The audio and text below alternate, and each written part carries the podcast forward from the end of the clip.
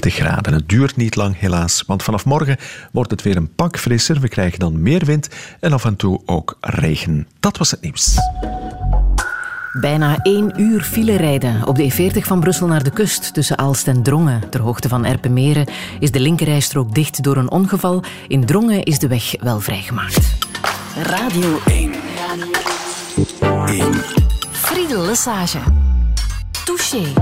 Touché met Wouter van den Houten. Goedemorgen. Goedemorgen. Voorzitter van de holding De Vijver Media, oprichter van Flanders Classics, eigenaar ook van de Ronde van Vlaanderen. En nu hier in de studio, terwijl zometeen Parijs-Roubaix gaat beginnen. Moet jij daar niet zitten, Wouter? Uh, eerlijk gezegd, het was prachtig weer vanmorgen en ik dacht van, uh, moet ik nu naar die studio? Want ik zelf mogen kiezen, dan uh, had ik nu op de fiets gezeten. En terecht. Ja. Prachtig weer. En dan had ik vanmiddag uh, naar, de, naar Parijs-Roubaix gekeken. Maar dat kan ik nog altijd Maar op doen. televisie, je zou niet naar, uh, naar de plek zelf gereden zijn? Nee, Parijs-Roubaix is een uh, wedstrijd die ik heel graag op televisie zie. Ja? Omdat het, je kan afsnijden, je kan van punt naar punt gaan, maar het is, het is heel hectisch, het is heel jachtig en er zijn heel veel Vlamingen die dat proberen. En ik kijk graag op televisie. Ja, en ik heb me laten vertellen dat je vooral ook nog naar het voetbal gaat vandaag. Ja, straks, het is play-off 1, belangrijk. Ja. En straks om 6 uur is er Anderlecht A-Gent, belangrijk. Want als Anderlecht wint, dan denk je dat ze een heel belangrijke stap naar de titel zetten. Maar Gent kan opnieuw in de race komen, dus uh, dat zal uh, meteen een spannende wedstrijd op de tweede speeldag van Wat heb jij 1. met Anderlecht? Oh, ik ga naar, uh, naar alle clubs kijken. Uh, maar als kind uh, nam mijn vader mij mee naar Anderlecht. er was toen een speler bij ons in de streek, Erwin van den Dalen. Ondertussen al wat oud geworden, maar dat was toen een heel goede speler. Libero, heel stijlrijk. En die werd toen van Club Brugge getransfereerd naar Anderlecht. En toen reed er een bus van Asper, het dorp naast ons supporters van Erwin van den Dalen naar Anderlecht en, uh, en mijn vader nam mij mee. En zo heb ik als kind uh, Anderlecht leren ontdekken en vooral uh, leren genieten van, van voetbal en mooi voetbal. Maar ik ga nu overal, ik ga ook naar Brugge, ik ga naar Gent, ik ga naar Standaard, ik ga naar Ga je Oostende. tussen het publiek kijken of zit je in een van die... Ik zit altijd op de tribune. Ik denk als ik twee keer per jaar achter glas zit, is het veel, want ik, ik heb graag die sfeer. En gewoon op de tribune, uh, als het koud is, dat je ook de koude voelt en uh, dat je het geluid, uh, dat je dicht bij de spelers zit. Ik zit niet, niet zo graag. Het gebeurt wel eens dat ik in een loge of, of in een seat zit, maar, maar heel weinig. Als ik mag kiezen, gewoon op de tribune.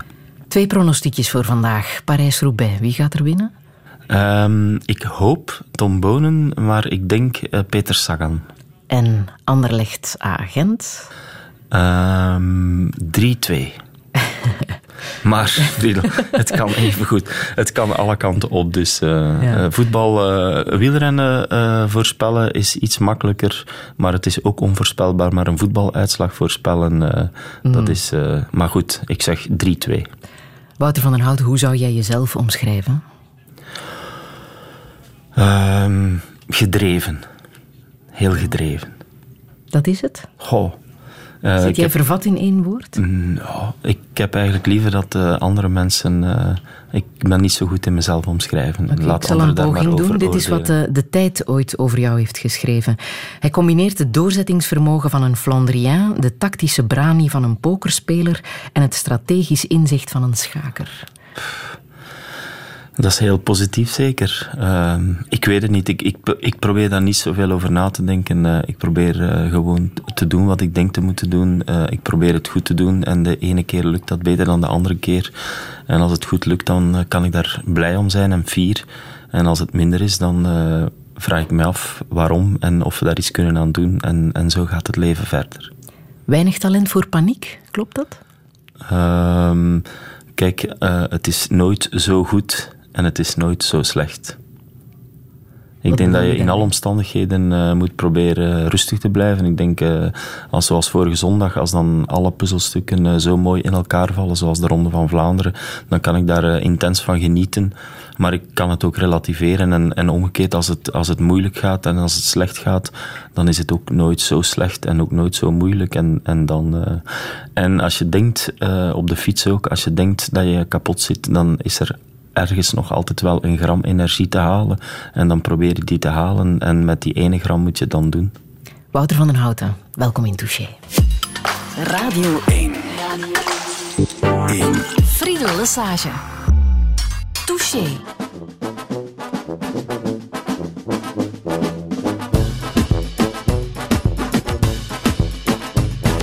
cabeza tengo gusanos color verde mordiéndome del cerebro. Por eso soy rebelde como un anciano corriendo bicicleta en calzoncillo con Viagra en los bolsillos. Soy rebelde como un monaguillo en la iglesia fumando cigarrillo sin que las monjas se lo sospechen. Soy rebelde como una vaca que no quiere dar leche. Todas las viejitas con pelos en las piernas, con espíritu libre y de mente moderna. Dejen de romperse la cabeza y brinquen en la mesa encima de las papas francesas. Vodka, ron y cerveza en el aire, brindando de México hasta Buenos Aires. Con toda la mafia, el corillo, la banda, con 10 brasileras bailándome samba. Estoy gozando un mogollón, un montón. Botellón de ron tras botellón. en definición, un paraíso. Gente vomitando en el piso. Esto es una fiesta de locos.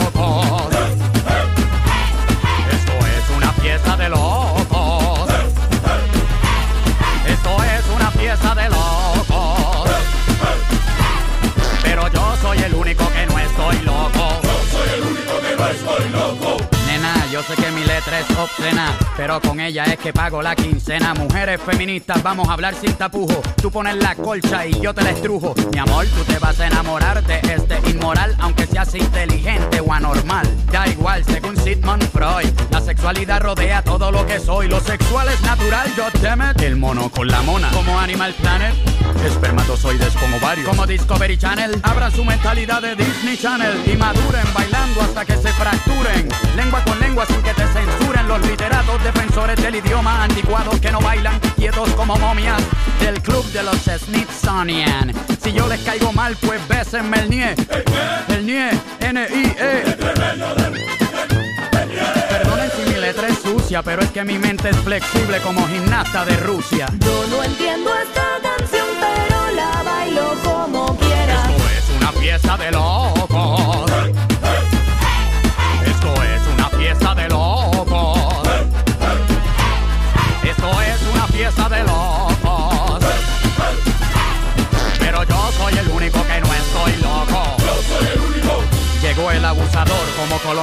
Español. Si te doy un chinazo, tiene que ser de gol. Yo voy directo al grano, al corazón de la manzana donde duerme el gusano. Después de que sea legal, un poco de perversión en la canción no viene mal. Hija, si eres buena y por la noche rezas, dame un beso en la boca y después te confiesas. Estoy en el Edén, amén. Un harén de niñas bailando sin sostén. Con tu cuerpecito de adolescente, cualquier ser viviente se pone caliente. Están tan buenas esas princesitas que lo que sudan es agua bendita. Ese trasero tuyo llena cualquier coliseo y pone a creer a cualquier ateo. Yo sé que mi música es profana, pero cuando deje de vender hago música cristiana.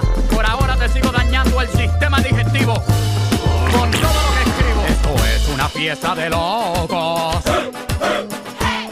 Esto es una fiesta de locos. Esto es una fiesta de locos.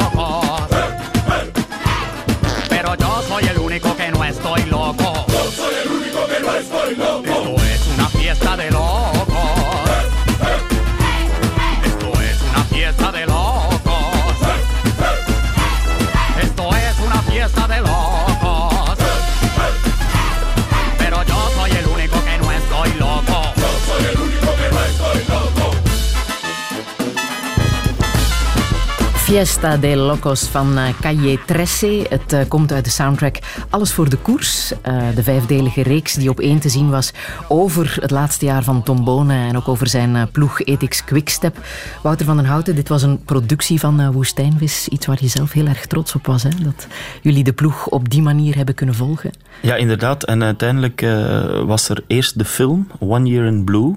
Dus we hebben een heel jaar Quickstep gevolgd. Was het idee om um, eens een andere ploegvoorstelling te doen, want elk jaar gebeurt dat uh, vrij traditioneel en we waren op zoek naar een, een, een nieuwe manier. En dus uiteindelijk was het idee van oké, we maken een film en dan is het Rode Loper en, en de, de renners over de Rode Loper. Dat was trouwens uh, in Kortrijk, uh, in, in Kinepolis in Kortrijk. was een fantastische dag. Maar als we die film toch maakten, leek het ons ook een goed idee om daar een vijfdelige televisiereeks van te maken. En we hebben daar massaal goede reacties op gekregen. Ja, Mensen voelden ook... fantastisch om te zien ja. hoe het hart van de koers echt Ja, draait. ik denk dat het voor een stuk ook te maken heeft met het feit, er is enorm veel eh, wielerpassie binnen ons bedrijf. Ik denk dat het eh, niet alleen met mijn persoon te maken heeft, maar heel veel personen daar rond. Ja, wij ademen echt dat wielrennen. Er is ook de persoonlijke relatie tussen, eh, tussen mij en Patrick Lefevre. Wij kennen elkaar al, eh, al 25 jaar. En er was van in het begin het vertrouwen tussen Patrick en mij om, om dat proberen te doen. En daardoor, denk ik, hebben we dat kunnen realiseren. Want hij heeft dat op zijn eh, troepen overgebracht en wij op de onze. Want uiteindelijk is dat toch een, eh, een heel subtiel spel. Want je komt daar toch binnen in, in hun wereld. En dat is toch een vrij gesloten wereld. En en, maar dat is uiteindelijk heel goed gegaan. En, en het plezierigste was dat de mensen die het in het begin niet zagen zitten, eh, Ivan van Mol, de ploegdokter, eh, om maar iets te zeggen, eh, met wie ik ook al, al vele jaren een, een, een heel persoonlijke relatie heb, die zag dat eigenlijk helemaal niet zitten. Maar die zei achteraf, ja, ik ben toch blij dat we het gedaan hebben, want het resultaat was fantastisch. En vooral, we hadden van die kleine cameraatjes meegegeven aan de renners. En die hebben eh, allerlei dingen zelf gefilmd. En ja, 90% van wat ze filmden eh, moet recht de prullenmand in. Maar die 5 of 10% die overbleven, eh, die maakten echt wel het verschil. En het was ook een enorm privilege voor onze mensen om dat zo van, van binnenuit te mogen meemaken. En eigenlijk voor een stuk ook deel van, van die ploeg te kunnen zijn. Een uitspraak van eh, Tom Bonen uit de eerste aflevering, eh, The Legend, eh, ging over Parijs-Roubaix vorig jaar. En toen zei hij dit. Je moet al echt een halve idioot zijn voor te zeggen dat ik Parijs-Roubaix niet mee kan winnen. Zelfs met IMB maak ik nog kans in Parijs-Roubaix. Dus, allee, daar moet je nou niet echt heel slim voor zijn voor te denken. Als ik normaal 80% aan de start sta, maak ik nog een waterkansje om de koers te winnen. Tom Bonen, zoals hij echt is, helaas was hij tweede. Hè. Moest hij Heyman laten voorgaan vorig jaar. Ja, omdat hij ook eh, niet goed genoeg was. Eh, hij zegt het daar ook, hij verwijst daarnaar. Ik denk als Bonen eh, met de conditie die hij vandaag heeft in dezelfde omstandigheden had kunnen rijden als vorig jaar, als hij met die conditie van nu vorig jaar had kunnen rijden, dan wint hij honderd keer. Ik denk dat hij dat, hij dat zelf ook beseft. Ik denk dat hij vandaag heel goed is. Maar er zijn er anderen eh, ook heel goed. En het zal niet makkelijk zijn eh, voor Bonen eh, om de vijfde keer te winnen. Ik gun het hem volledig, maar het gaat een fantastische koers worden, omdat hij heeft een heel goede ploeg. Die zullen aan de ene kant proberen eh, hem in stelling te brengen eh, om die vijfde kassei eh, mee te nemen naar Mol en Balen. Maar tegelijkertijd zijn er ook ploegmaats van hem die, die de koers kunnen winnen. En ja, je hebt de drie die vorige zondag zijn gevallen. Nasen, Oliver Nasen, Greg van Avermaat en Peter Sagan. Die alle drie vinden dat ze vorige zondag niet op hun waarde zijn geklopt. Ik denk dat die drie ook heel begeerd naar de piste in Roubaix uitkijken. Dus denk dat we weer een fantastische koers gaan krijgen. Ja, die valpartij, dat was toch echt wel ja, de spektakelwaarde van, eh, van vorige zondag hè, tijdens de Ronde van Vlaanderen. Die wil ik nog eh, even laten horen. Het is ongelooflijk, die Sagan. Je kijkt naar die man en die lijkt... Oh, en hij valt! Hij valt! Sagan valt en pakt Van Avermaat en Nase mee. Oh, drama in de Ronde van Vlaanderen. En ze liggen op elkaar. Sagan ligt op de buik van Nase. Oh, wat een drama in deze Ronde van Vlaanderen. Kijk eens, ze zijn gehaakt achter de jas van een toeschouwer. Ho, ho. 16 kilometer nog. Gilbert is boven. Maar wat een dramatische valpartij van de wereldkampioen die achter een toeschouwer moet gehaakt zijn. Dit is een zwart moment. Touché. Wouter van den Houten, heb jij het ook zo gehoord op de radio? Of hoe heb jij de val eh, vernomen? Eh, wij waren. Eh, hadden zo'n- wij waren op de Oude Kwaremond eh, blijven kijken, hadden ze twee keer zien eh, bovenrijden. Maar dan, vlak voor zij aan de laatste afdaling van de Nieuwe Kwaremond beginnen, rijden wij dan met de auto weg. En wij vangen ze dan beneden nog eens op, waar zij een laatste keer eh, opdraaien naar, naar de laatste beklimming van de Oude Kwaremond. Dus daar zagen we ze nog vol koersen. En dan stappen wij in de wagen, want dan kunnen wij via een, eh, een binnenweg terug op parcours komen en zo naar de aankomst. Dus wij waren eigenlijk eh, op het parcours, denk ik, een, een tiental kilometer eh, voor Oudenaarde. En wij zagen het eh, op televisie gebeuren. En wat dacht jij toen, Ja, als eigenaar van de ronde? Als zoiets gebeurt, wat, wat, wat denk je dan? ja dat, dat is de koers. Ehm, zijn mensen die zeggen van ja, hadden de drie doorgereden waren ze bij Gilbert gekomen. Wellicht klopt dat. Maar Gilbert reed daar vooraan. Uh, Quickstep had een aanval opgezet op de muur van Gerardsbergen. Uh, Sagan en Van Avermaat waren niet mee. Gilbert was alleen doorgereden. Ja, dat is de koers. En dan heeft uiteindelijk uh, Sagan, hij is ook gevallen omdat hij een enorm risico nam. Hadden ze daar op het midden, midden op de kasseien gereden, dan, dan waren ze niet gevallen. Dus dat hoort bij de koers. dat is ook de dramatiek van de koers. En dat maakt, het ook, uh, dat maakt het ook mooi. En we zullen het nooit weten. Uh, inderdaad, wellicht waren ze met hun drieën uh, bij Gilbert gekomen en had Gilbert de ronde dan niet gewonnen. Maar hij heeft gewonnen, Philippe Gilbert. En voor mij zijn een mooie en een verdiende winnaar. Hij Is het ook... waar dat jij met hem hebt getraind een paar maanden voor de ronde? laten we zeggen dat wij naast elkaar hebben gefietst, Frido, tegen een tempo dat ik nog net aankom. Dus, Want hoe voor... gaat dat als jij zo eens mee traint met die mannen? Maar als zij, als zij echt trainen dan, uh, dan, dan moet ik niet, niet meer mee gaan rijden. Ja, maar op het vlakke is dat geen probleem natuurlijk, maar die mannen zijn zoveel beter van als het bergop gaat en zij trainen, uh, dan, dan, dan moet ik die mannen laten rijden. Maar, maar toen had Philippe Gilbert al gezegd, ik ga winnen tijdens de Hij zat daar toen al, want wij reden naast elkaar en, en plots vroeg hij aan mij van, ja Wouter, uh, weet jij nog wanneer de, voor het laatst een Waal de Ronde van Vlaanderen heeft gewonnen? Ja, dat was Claude Criquelion in 87 en toen zei hij, goh, ik nu in 2017, uh, dat zou toch fantastisch zijn. Hè? En hij was daar toen al mee bezig heeft daar ook uh, maanden naartoe geleefd. Ik denk dat hij ook uh, zijn keuze om voor Quickstep te gaan rijden, enfin, iedereen kent het verhaal, hij was einde contract bij BMC. Hij had mooie voorstellen nog van andere ploegen, maar hij heeft eigenlijk voor een lager bedrag bij Lefevre gaan rijden, omdat hij wel absoluut voor Quickstep gaan rijden. En een van de redenen was dat hij, dat hij die Vlaamse koersen graag nog winnen, wou winnen en dat hij de Ronde van Vlaanderen op zijn erelijst wou hebben. En hij heeft het nu, dus ik zeg chapeau Gilbert. Dat was het einde van de koers. Het begin van de koers, dat was in Antwerpen. En dat was met deze woorden van Bart de Wever. Maar ik ben ongelooflijk blij. Uh, in het stadcentrum alleen zijn, zijn bijna 40.000 mensen komen opdagen. Dat is echt onverhoopt. Maar die organisatie, dat is natuurlijk titanenwerk. Veel groter dan dit kan het niet meer worden. Veiligheid is ook natuurlijk heel belangrijk. Je bent daarmee bezig, je ligt daarvan wakker. Dat die renners hier nu weg zijn, dat is wel een pak van mijn hart. Touché. Hij was blij dat ze het stad uit waren. Hmm, ik denk dat hij vooral uh, heel, heel trots was dat het allemaal goed is verlopen. Uh, Antwerpen heeft de Ronde van Vlaanderen ontvangen op een manier die mijn verwachtingen nog overtrof. Want ja, het was een eerste keer en je denkt dan toch, je moet het, moet het leren, je moet uh, leergeld betalen. Want we zaten al 19 jaar in Brugge en dat wordt een soort routine. En dan weet je dus die iconische waarde van Brugge loslaten, dat heeft toch bij veel mensen wat pijn gedaan, denk ik. Hè? Ik denk dat het vooral uh, in Brugge en in West-Vlaanderen was, was heel vreemd. Uh, toen wij uh, zes jaar geleden de muur uit het parcours schrapten, kwam er enorme kritiek van alle kanten. Nu was het eigenlijk verdeeld. Namelijk in West-Vlaanderen vonden ze schande in Oost-Vlaanderen, hoe dichter we naar Antwerpen en naar het Waasland gingen, uh, hoe leuker de mensen het vonden. En, en, en iedereen die ten noorden van Antwerpen uh, woonde, de Kempen en zo, de, de kanten van Tombonen, die vonden het allemaal fantastisch. En Antwerpen heeft het uh, uitstekend gedaan. Er is uh, met enorm veel ambitie uh, aangewerkt. wat de Wever daar, net omschreef als dat titanenwerk, dat klopt. Maar de stad Antwerpen samen met Flanders Classics, we zijn er keihard voor gegaan. En ik denk dat het er stond van de eerste keer. En er waren nog een paar schoonheidsfoutjes en die zullen we voor volgend jaar proberen weg te werken.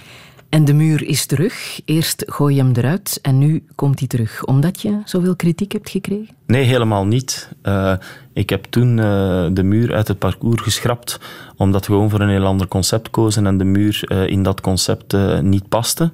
En ik wou niet de muur... Kijk, als, hadden we hem toen op de plaats gezet waar hij nu in het parcours zit en waar hij nu weer uh, zijn rol speelt. Had ik dat toen gedaan, ben ik zeker dat iedereen uh, had gezegd van schande, uh, je degradeert de muur van de beslissende helling naar een helling in de Ronde van Vlaanderen. En vandaar dat we toen beslist hebben uh, om die muur te schrappen. En we dachten op het goede moment brengen, brengen we die wel weer in het parcours. En dat leek ons dit jaar. En dan hadden we ook nog het, het geluk, of is het geluk, is het toeval of niet, dat Quickstep uh, zijn aanval uh, uitgerekend op die muur plant. En dat ze dus doen wat niemand voor mogelijk had gehouden. Gilbert en Bonen die wegrijden en die Sagan en Van Avermaet isoleren. En dat is op die muur gebeurd. Iedereen had toen gezegd, je gaat ontzettend veel kritiek krijgen, Wouter, als je zoiets doet. Maar ik las dat je zei, zelfs als ik de muur niet had geschrapt, had ik nog heel veel commentaar gekregen van de echte wielerliefhebber.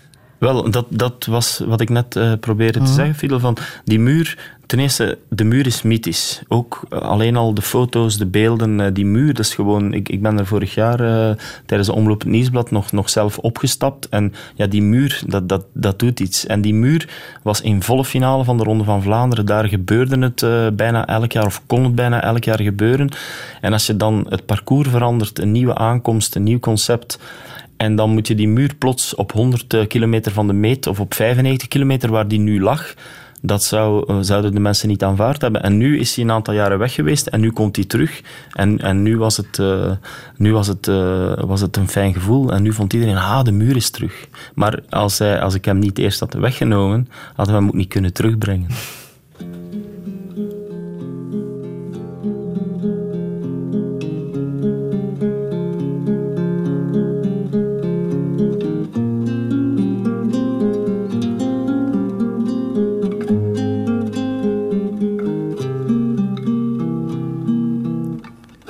Hij van zijn leven in de Westhoek passeert.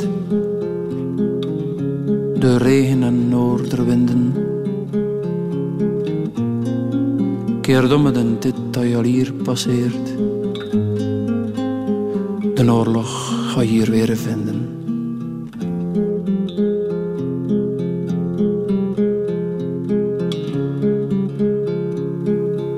Ja, het is de oorlog dat je hier weer vindt en het graf van duizend soldaten.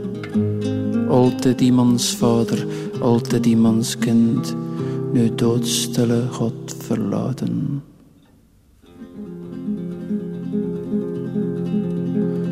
Laat de boom nu maar zwijgen en dat gras niets vertelt en de wind moet ook maar niet zingen. Dat jorderen dood tot niets geteld, dat waren al te schrikkelijke dingen.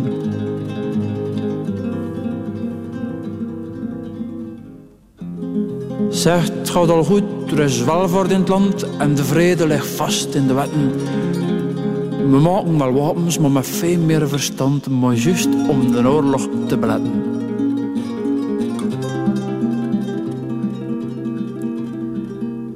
En grote raketten, atoom in de top, we mogen toch experimenteren.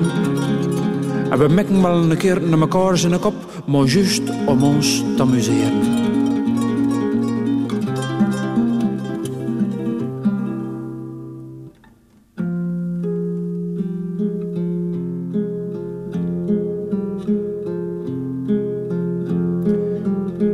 Zijn leven in de Westhoek passeert.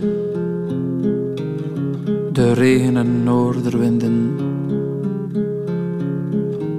Keer om het en dit als je hier passeert. De oorlog ga je hier weer vinden.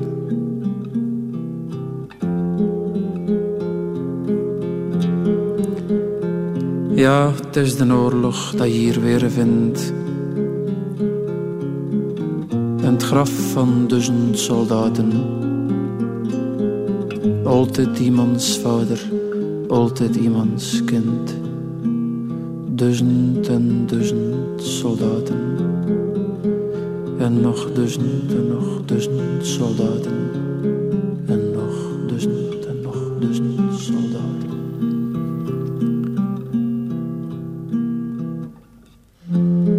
Duizend Soldaten van uh, Willem Vermanderen, Wouter van den Houten. Waarom wou je dit laten horen? Oh, om veel redenen. Uh, ik, ik, ben als kind opgegroeid uh, met Willem Vermanderen. ik heb daar altijd bewondering voor gehad. En ik fiets ook heel vaak in de Westhoek. En ik moet eerlijk zijn, als je daar passeert, de loopgraven, al die, die oorlogskerkhoven, bijvoorbeeld tijdens Gent-Wevelgem passeren wij daar ook, dat, dat, doet mij, dat doet mij nog altijd iets. En het is tegelijkertijd ook een heel actueel nummer. Als je nu nog eens naar die tekst mhm. luistert, uh, het is eigenlijk een nummer uh, dat even goed uh, vandaag kunnen geschreven zijn. Wat herken je daarin? ik denk vooral dat, het verschrikkelijk is dat mensen elkaar kapot maken, dat iedereen dat ook aanvoelt. Dat letterlijk, als ik daar elke keer met de fiets voorbij rijd, dat doet je nog altijd iets. Mm. En dat wij vaststellen dat, kijk nog wat er deze week in Syrië is gebeurd, dat mensen elkaar toch blijven uitmoorden. ook al vinden we dat allemaal verschrikkelijk en, en ook al raakt ons dat allemaal persoonlijk, dat blijkbaar de mensheid er toch maar moeizaam in slaagt om dat achter zich te laten. En ik denk nooit meer oorlog.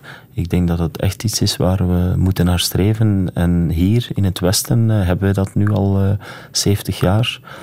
En, maar de rest van de wereld, we zijn er nog lang niet. Mm. Werd er veel over de oorlog gepraat bij jullie thuis? nee. Ik, ik moet eerlijk zijn, ik ben geboren in 62. Ik was de oudste. Dus opgegroeid in de jaren 70 en, en ja, dat was echt na oorlog. Dus eigenlijk de, jaren, uh, de jaren 50 uh, eh, hebben wij, wij niet meer meegemaakt. Toen zaten wij al, uh, er was vrede, er was welvaart, er was een enorme cultuuroptimisme op dat moment. Er was economische vooruitgang.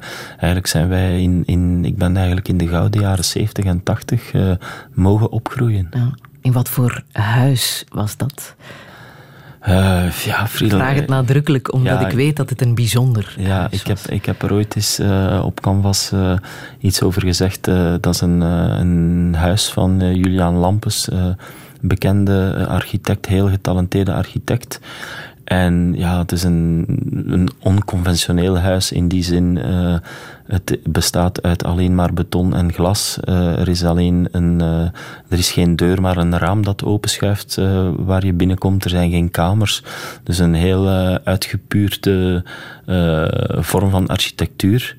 En, maar ik moet eerlijk zijn, ik als kind, dat was zo. Je leefde daar. Uh, daar werd ook nooit door mijn ouders een groot statement over gemaakt. Zij hadden die keuze gemaakt. En wij woonden daarin en dat was het. En daar moest je dan als kind en als tiener mee doen. En van waar die keuze uh, en die interesse voor dat soort architectuur? Oh, uh, dat zou je natuurlijk aan mijn vader moeten vragen. Want hij heeft in de eerste plaats mijn moeder overtuigd om, om voor die architect te kiezen. Want het was een vreemd verhaal. Want mijn vader, een van zijn beste schoolkameraden was architect. En eigenlijk was hij voorbestemd om met die man te bouwen. En toen leerde mijn vader heel toevallig Julian Lampes kennen. En dan heeft hij uiteindelijk de keuze gemaakt om niet met zijn jeugdvriend te bouwen, maar wel met Julian Lampes. En ja, en zo ben ik daar, daarin letterlijk in gerold. Want ja, ik woonde daar en ik leefde daar. En op een of andere manier heeft mij dat ook beïnvloed en, en ben ik zelf later ook uh, uh, ja, echt van architectuur uh, gaan houden. En nu ook het huis van mijn ouders. elke keer als ik, als ik kom, als ik daar kom, ja, dan, dan doet het mij iets. Het, je krijgt er nooit genoeg van. Mm, op welke manier heeft het jou beïnvloed?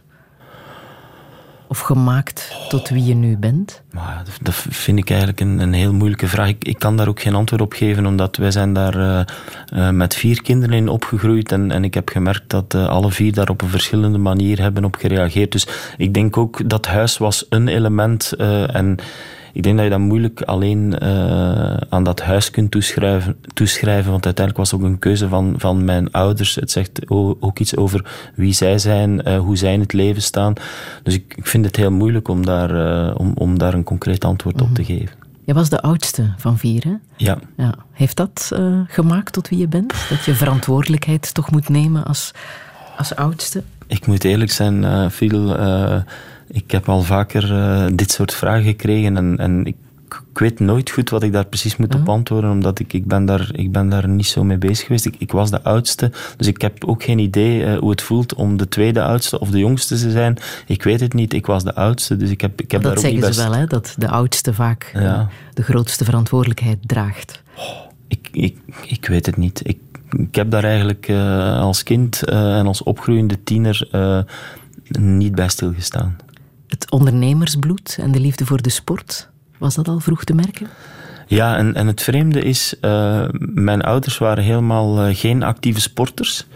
Uh, nu, nu zijn ze op hun 80 en 84 nog altijd vervente fietsers. Maar eigenlijk zijn die beginnen sporten op het moment dat alle kinderen het huis uit waren. Maar ik, eigenlijk kwamen wij helemaal niet uit de sportnest, behalve dat ons vader eh, een voetballiefhebber was. Maar om een of andere vreemde reden was, was, ik, was ik gepassioneerd, geïntrigeerd door sport. En eigenlijk mijn hele jeugd was sport. En, en alles wat ik wou, uh, was sport. Ik wou zelf uh, voetballen. Uh, ik was enorm gepassioneerd door de sport. Ik ben dan uiteindelijk uh, sportkot gaan studeren, in die sportjournalistiek gerold. Dus om een of andere vreemde reden was sport toch mijn eerste drijfveer. Maar vraag mij niet waarom. dat wou ik nu net vragen. Maar hoe vreemd is het dat je daar geen vragen bij stelt? Dat de waarom-vraag bij jou niet aan de orde is? Ja, maar ik, ja, als kind was het sport. Ik wou sporten, ik wou voetballen. En, en ik heb gemerkt dat uh, om een of andere vreemde reden uh, ik nu uh, 40 of 45 jaar later nog altijd even gepassioneerd ben door de sport. En nu, Want als je wordt omschreven als, als strateeg, zou je denken hij weet heel erg goed waarom hij de dingen doet die hij doet. Ja, maar die sport, ik, ik, echt waar. Ik zou het niet weten. Ik kan alleen maar zeggen dat ik er gigantisch door gepassioneerd ben, dat het mij niet loslaat. Dat ik daar ook, uh, ja, ik, ik leer daar ook steeds meer in bij. Ik, ik, ik, ik ben nu ook in, in, in een positie waar ik er kan mee bezig zijn, waar ik er heel actief kan over nadenken. Ik zeg maar wat ik kon uh, die keuze maken om het parcours van de Ronde van Vlaanderen uh, uh, te veranderen. Ik vind het enorm boeiend om in die sportwereld te leven, om, om daar een actieve bijdrage te kunnen leveren. ik ben daar al maar meer door gepassioneerd, maar ik weet niet waarom. het, is, het is zo, het drijft mij en het laat mij niet los. En, en ja, ik, ik, ik ben er gelukkig mee.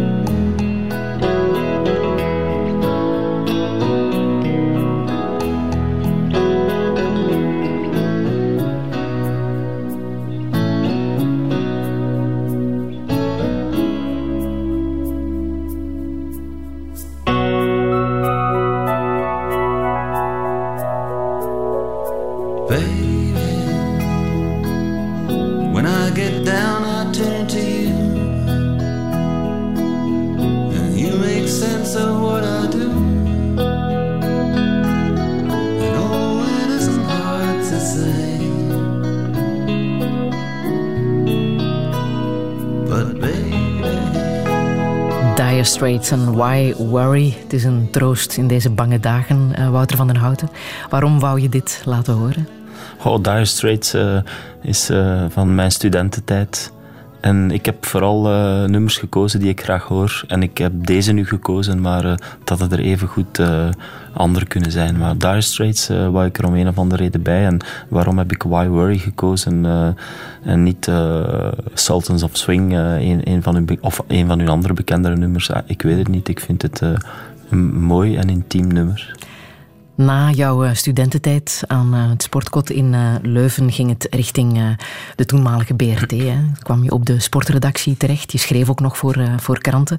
Maar niet zoveel later zat je ineens in dat legendarische programma samen met uh, Mark Uiterhoeven, Het Huis van Wantrouwen, waar je revolutionaire televisie hebt gemaakt. Het is trouwens nu ook precies 25 jaar geleden dat de laatste aflevering te zien was op, uh, op televisie. Uh, daar zat werkelijk heel Vlaanderen naar te kijken. Um, en ik wil toch even de sfeer laten horen van het programma toen, voor de mensen die dat niet meer hebben meegemaakt. Het was ja. toch iets heel bijzonders onder meer een artikel met de minister van Buitenlandse Zaken, Mark Eiskes. En daarin zegt hij over het Huis van Wantrouwen.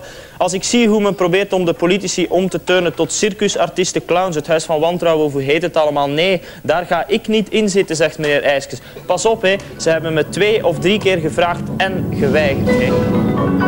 Hallo. Uh, goedendag meneer Eiskes, het is uh, Wouter van den Houten hier. Ben van den Houten? We wilden eigenlijk eens horen ja, wat u daar precies mee bedoelt mijn kritiek was niet gericht uh, tegen uw programma, maar wel degelijk tegen de politici. Die denken dat uh, om populair te zijn, ze moeten deelnemen aan uh, allerlei uitzendingen. Waarbij men toch de, de, functie van de politicus ja, verward met het optreden van mensen die zorgen voor dagelijkse ontspanning. Mark IJskes aan de telefoon in het Huis van Wantrouwen. Dat was ja, wat jullie deden. Hè? Politici uitnodigen en een beetje uit hun politieke context halen. was de eerste keer dat dat ook gebeurde. Volgens mij ook het succes van het programma. Hoe kijk je daar nu op terug, 25 jaar later? Uiteindelijk, uh, ten eerste wou ik zeggen van dat Mark IJskes nadien uh, in veel van die programma's uh, is gaan gezeten, zitten en dat ja. ook goed heeft gedaan. Ja. Mark IJskes in de laatste show was, altijd, was altijd goed. Maar nu, 25 jaar later, is eigenlijk die discussie totaal achterhaald. Omdat uh, toen was de discussie van, ja, mogen politici wel in amusementsprogramma's gaan zitten en, en kunnen wij de serieuze journalistiek wel overlaten aan eh, twee sportjournalisten die daar toch een soort uh, people uithangen. Want zo keken serieuze politieke journalisten daar, daar toen naar. Niet allemaal, denk ik. Maar het was toen gewoon nieuw. Maar als je kijkt vandaag, 25 jaar later, neem nu Donald Trump Eén, die gaat niet meer in een amusementsprogramma zitten, want die heeft zijn eigen show. En twee, die geeft geen uh, politieke interviews meer, want die tweet. En dus uiteindelijk is, is, is, is die discussie 25 jaar later uh, totaal achterhaald. En um, is ook uh, elk journalistiek monopolie weggevallen. Kijk naar allerlei mengvormen die zijn ontstaan. Ik verwijs naar de programma's van Martijn Heijlen, de programma's van, van Annemie Struif. Dat zijn mensen die hun ding doen en, en, en het publiek kijkt daarnaar omdat die mensen zijn wie ze zijn. En als je nu bijvoorbeeld uh, kijkt naar uh, Reizen Waas op zondagavond, fantastisch succes. Iedereen zei al een tijd van uh, die, die zeer hoge cijfers op zondagavond, dat lukt niet meer. 1,2, 1,3 miljoen, dat, dat is het allerhoogste. En dan komt Reizen Waas en, en dan haalt dat wel 1,8 miljoen. En als je kijkt naar Reizen Waas, dat is misschien het meest journalistieke programma dat één de voorbije maanden heeft uitgezonden. En toch was het verpakt als een soort, ja, wat was het? Was het een reisprogramma? Was het een entertainment? entertainmentprogramma was het een, het was een mengvorm. Maar entertainment met politici is natuurlijk makkelijker dan het echte journalistieke gesprek met politici. Maar ik denk dat... Uh, en dat hebben we toch ook nodig? Maar uh, uiteraard. Maar ik denk, denk dat er uh, vooral plaats is voor goede media vandaag en plaats voor goede politici. En er zijn allerlei meng mengvormen. En ik heb een, een grote bewondering voor, voor goede politieke journalisten. Die zijn er nog altijd en die kunnen ook nog altijd hun ding doen. Maar het is gewoon heel verscheiden vandaag. je hebt enorm veel mogelijkheden. je kunt à la carte kiezen vandaag. En iedereen, elke mediaman of vrouw en elke politicus of politica kan vandaag eh, doen wat hij denkt te moeten doen. Heb jij politici gemaakt of gekraakt? in programma's van onder andere Woestijnvis, denk je? Ik, kijk, ik denk dat uiteindelijk een programma is een soort megafoon. Maar vroeger uh, stond de politie op, op, op de marten. Dat was hetzelfde. Uh, um, Herman de Croo is uh, heel zijn leven populair geweest omdat hij alle markten afschuimde, omdat hij op alle begrafenissen uh, aanwezig was, in elk uh, café stapte en tegen iedereen vriendelijk was. Dat heb je vandaag niet meer nodig. Vandaag kun je, in, in, als je in het juiste programma komt, dan bereik je massaal een publiek. En als je de gevoelige snaar weet te raken, dan, dan zijn die mensen wel eens geneigd om op jou te stemmen. Maar is meer dan Bart de Wever gemaakt door de slimste mens? Daar Kijk, uh, ik denk dat Slimste Mensen absoluut geholpen heeft uh, om, om de carrière van Bart de Wever, uh, zijn politieke loopbaan in een stroomversnelling te brengen. Maar als je vandaag kijkt naar, naar wie Bart de Wever is en wat hij doet, dan kun je echt niet volhouden dat hij door de slimste mens is geworden wie hij is. Ik ben er trouwens van overtuigd. Mocht Bart de Wever, met de Bart de Wever die hij vandaag is, mochten wij hem opnieuw vragen om in de slimste mens te gaan zitten, dan zou hij dat waarschijnlijk niet meer doen, omdat hij dat ook niet meer nodig heeft. En hetzelfde, ik herinner mij toen het Huis van Wantrouwen, uh, de uitzending die eigenlijk voor de doorbraak heeft gezorgd, was de tweede uitzending met Louis Tobak. En dat was eigenlijk uh, een toevallige speling van het lot, want wij gingen daar normaal Martens en Verhofstadt uh, samen hebben. Die spraken al een tijdje niet meer met elkaar. En wij hadden die overtuigd om, om samen in de studio te komen. We hadden ook allerlei opnames gemaakt tijdens de zomer op de fiets.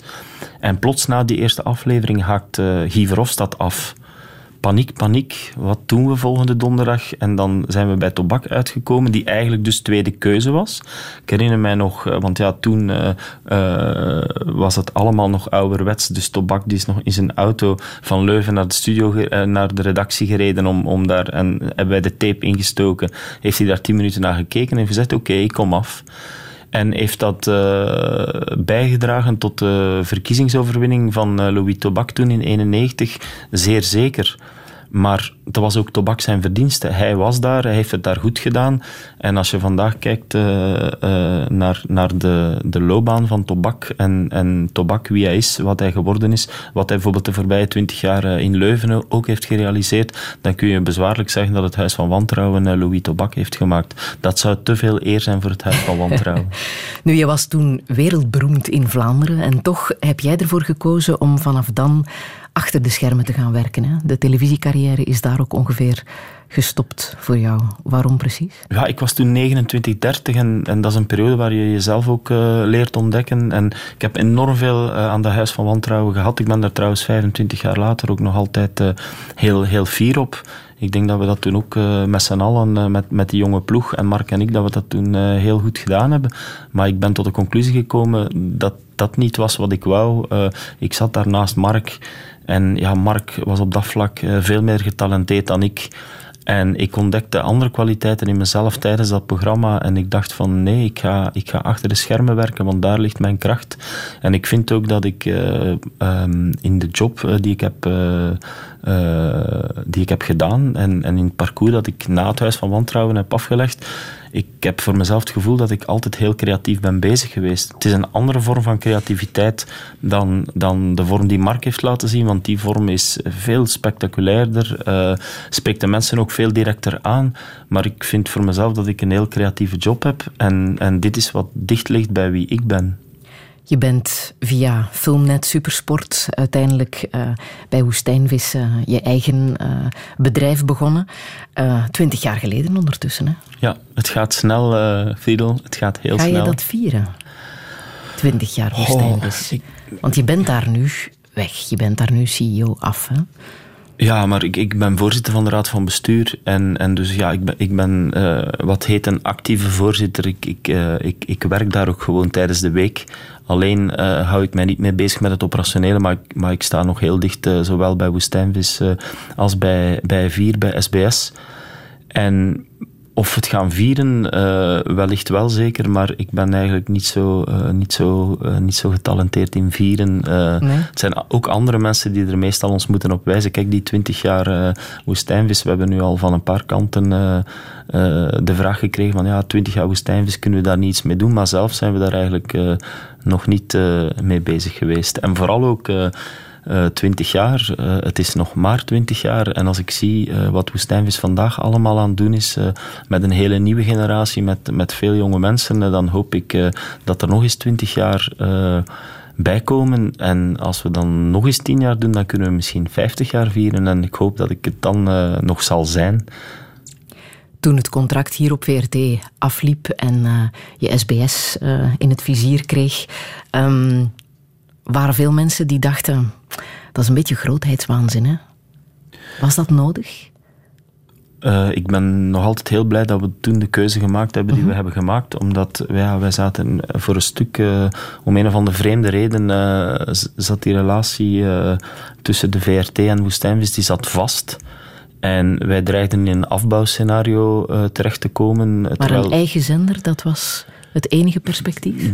Dat was uh, op dat ogenblik uh, de beste keuze. We hebben daar heel, heel veel tijd uh, voor genomen, met heel veel mensen over gepraat. Ook met onze eigen creatieve mensen. Uiteindelijk hebben wij die keuze gemaakt. Dat en was veel een, geld voor betaald ook. En dat was, een, dat was geen makkelijke keuze. en die achteraf zijn we onszelf daar ook enorm in tegengekomen. Maar tegelijkertijd kijk ik daar vijf jaar later uh, toch positief op terug. Omdat als je vandaag kijkt naar Woestijns, ik denk dat wij een jonger bedrijf zijn dan, dan vijf, zes jaar geleden. Een frisser bedrijf. En als je ziet, uh, alleen nog maar van de laatste zes maanden, uh, de ideale wereld, callboys, hotel romantiek, alles voor de koers. We hadden het daar net nog maar over. de klas. de slimste mens, ik kan zo nog even doorgaan. Dus ik denk dat uh, Woestijnvis levendiger is dan ooit. En we hebben een fantastisch mooi uh, verleden gehad en daar zijn we ook uh, fier op en dat koesteren we.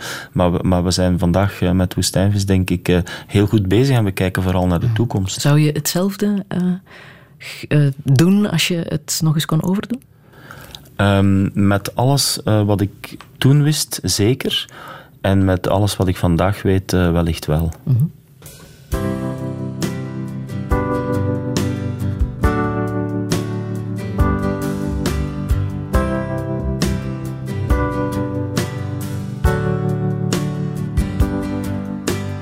saw her leave the luau with the one who parked the cars.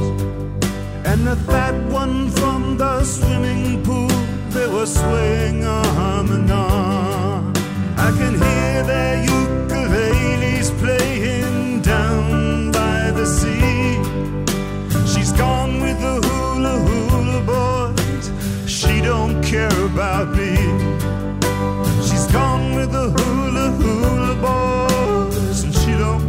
about me. They're singing, Hey, Nicky, Mahi, on a couple one. Hey, Mahi, on a couple.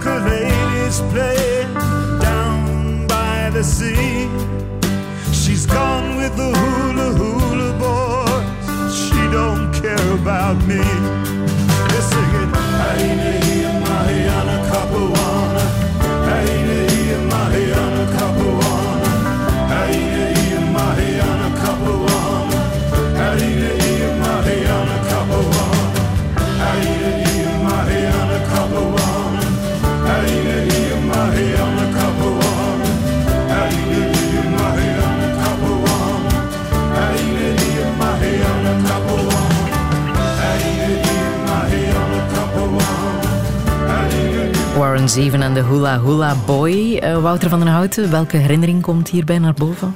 Het was ook iets uit mijn studententijd en uh, het was ook de openingsdans op het huwelijk van mijn zus. En ik vind het gewoon een heel mooi nummer. Mm. Is er iets, ik zei het daarnet al tijdens de plaat, we gaan het nu hebben over alles wat niet met jouw vakgebied uh, te maken heeft. Gastronomie bijvoorbeeld, waarop jij zegt, dat is ook mijn vakgebied. Wel, ja, dat is ook zo. Ja, inderdaad. Uh, ik heb nu al, uh, denk 17 jaar een, een restaurant in Leuven, Couvert Couvert. Ja. En ja, het is altijd een passie geweest. Als kind van acht jaar uh, bakte ik koekjes thuis. Uh, tot grote ontsteltenis van mijn moeder, want zij bleef dan met de troep zitten. Want ik was wel goed in die koekjes bakken, maar het opruimen achteraf, daar was ik iets minder in. Nu, ik heb dat nadien wel bijgeleerd. En ja, ik, ben er altijd door gepassioneerd geweest. Vooral ook omdat ik heb, ik heb een moeder uh, die, die graag kookt, die goed kookt. En altijd met verse producten, uh, eigen moestuin, uh, eigen kippen.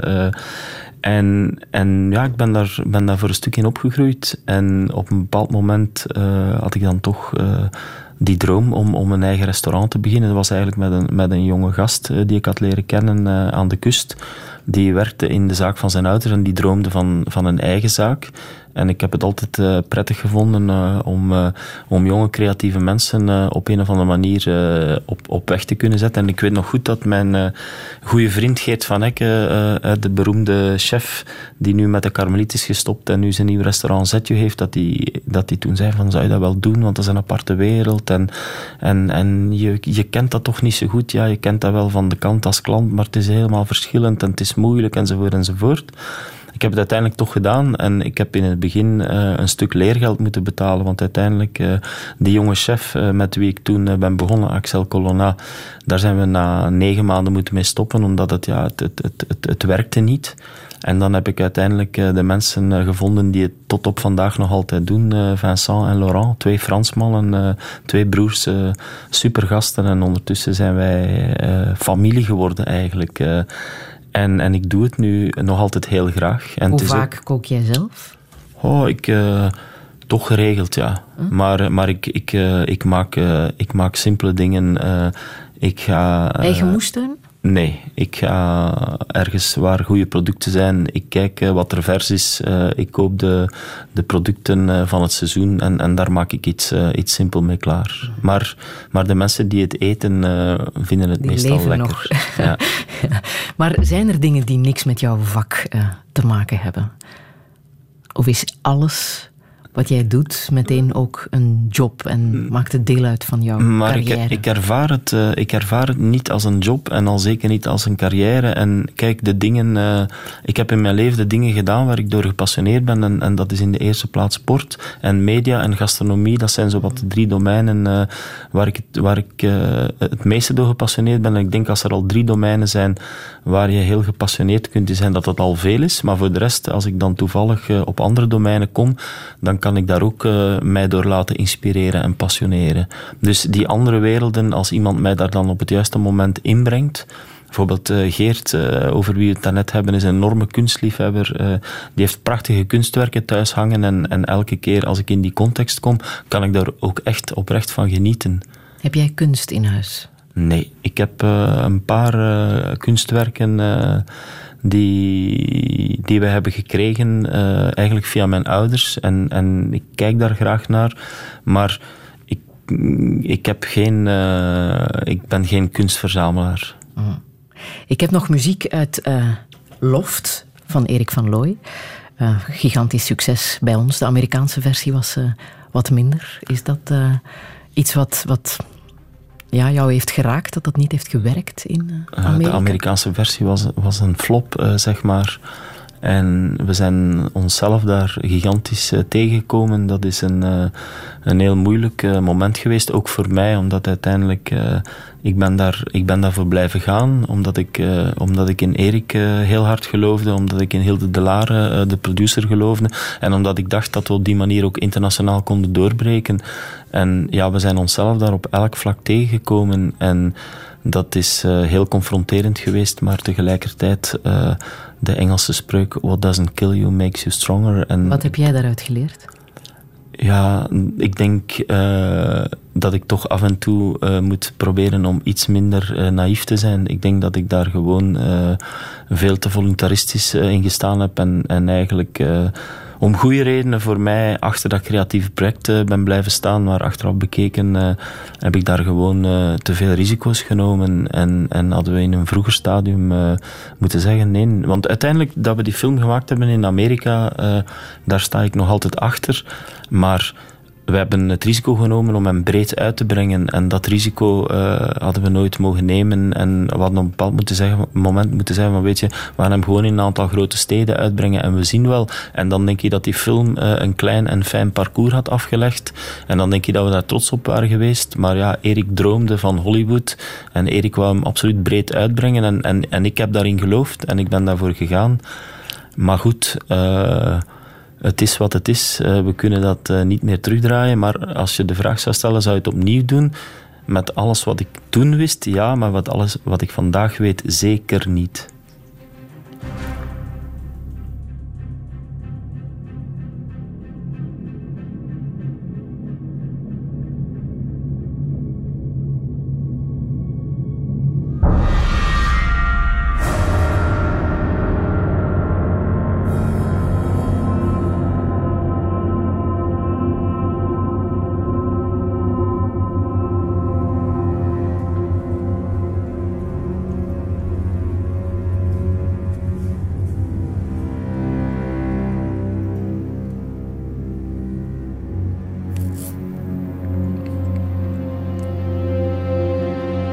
Muziek uit Loft van Erik van Looy, muziek van uh, Wolfram De Marco. Zometeen na het nieuws van 12 uur praat ik verder met Wouter van den Houten. Tot zometeen. Maar iemand zei dat daar niet. Ja, ja kom op!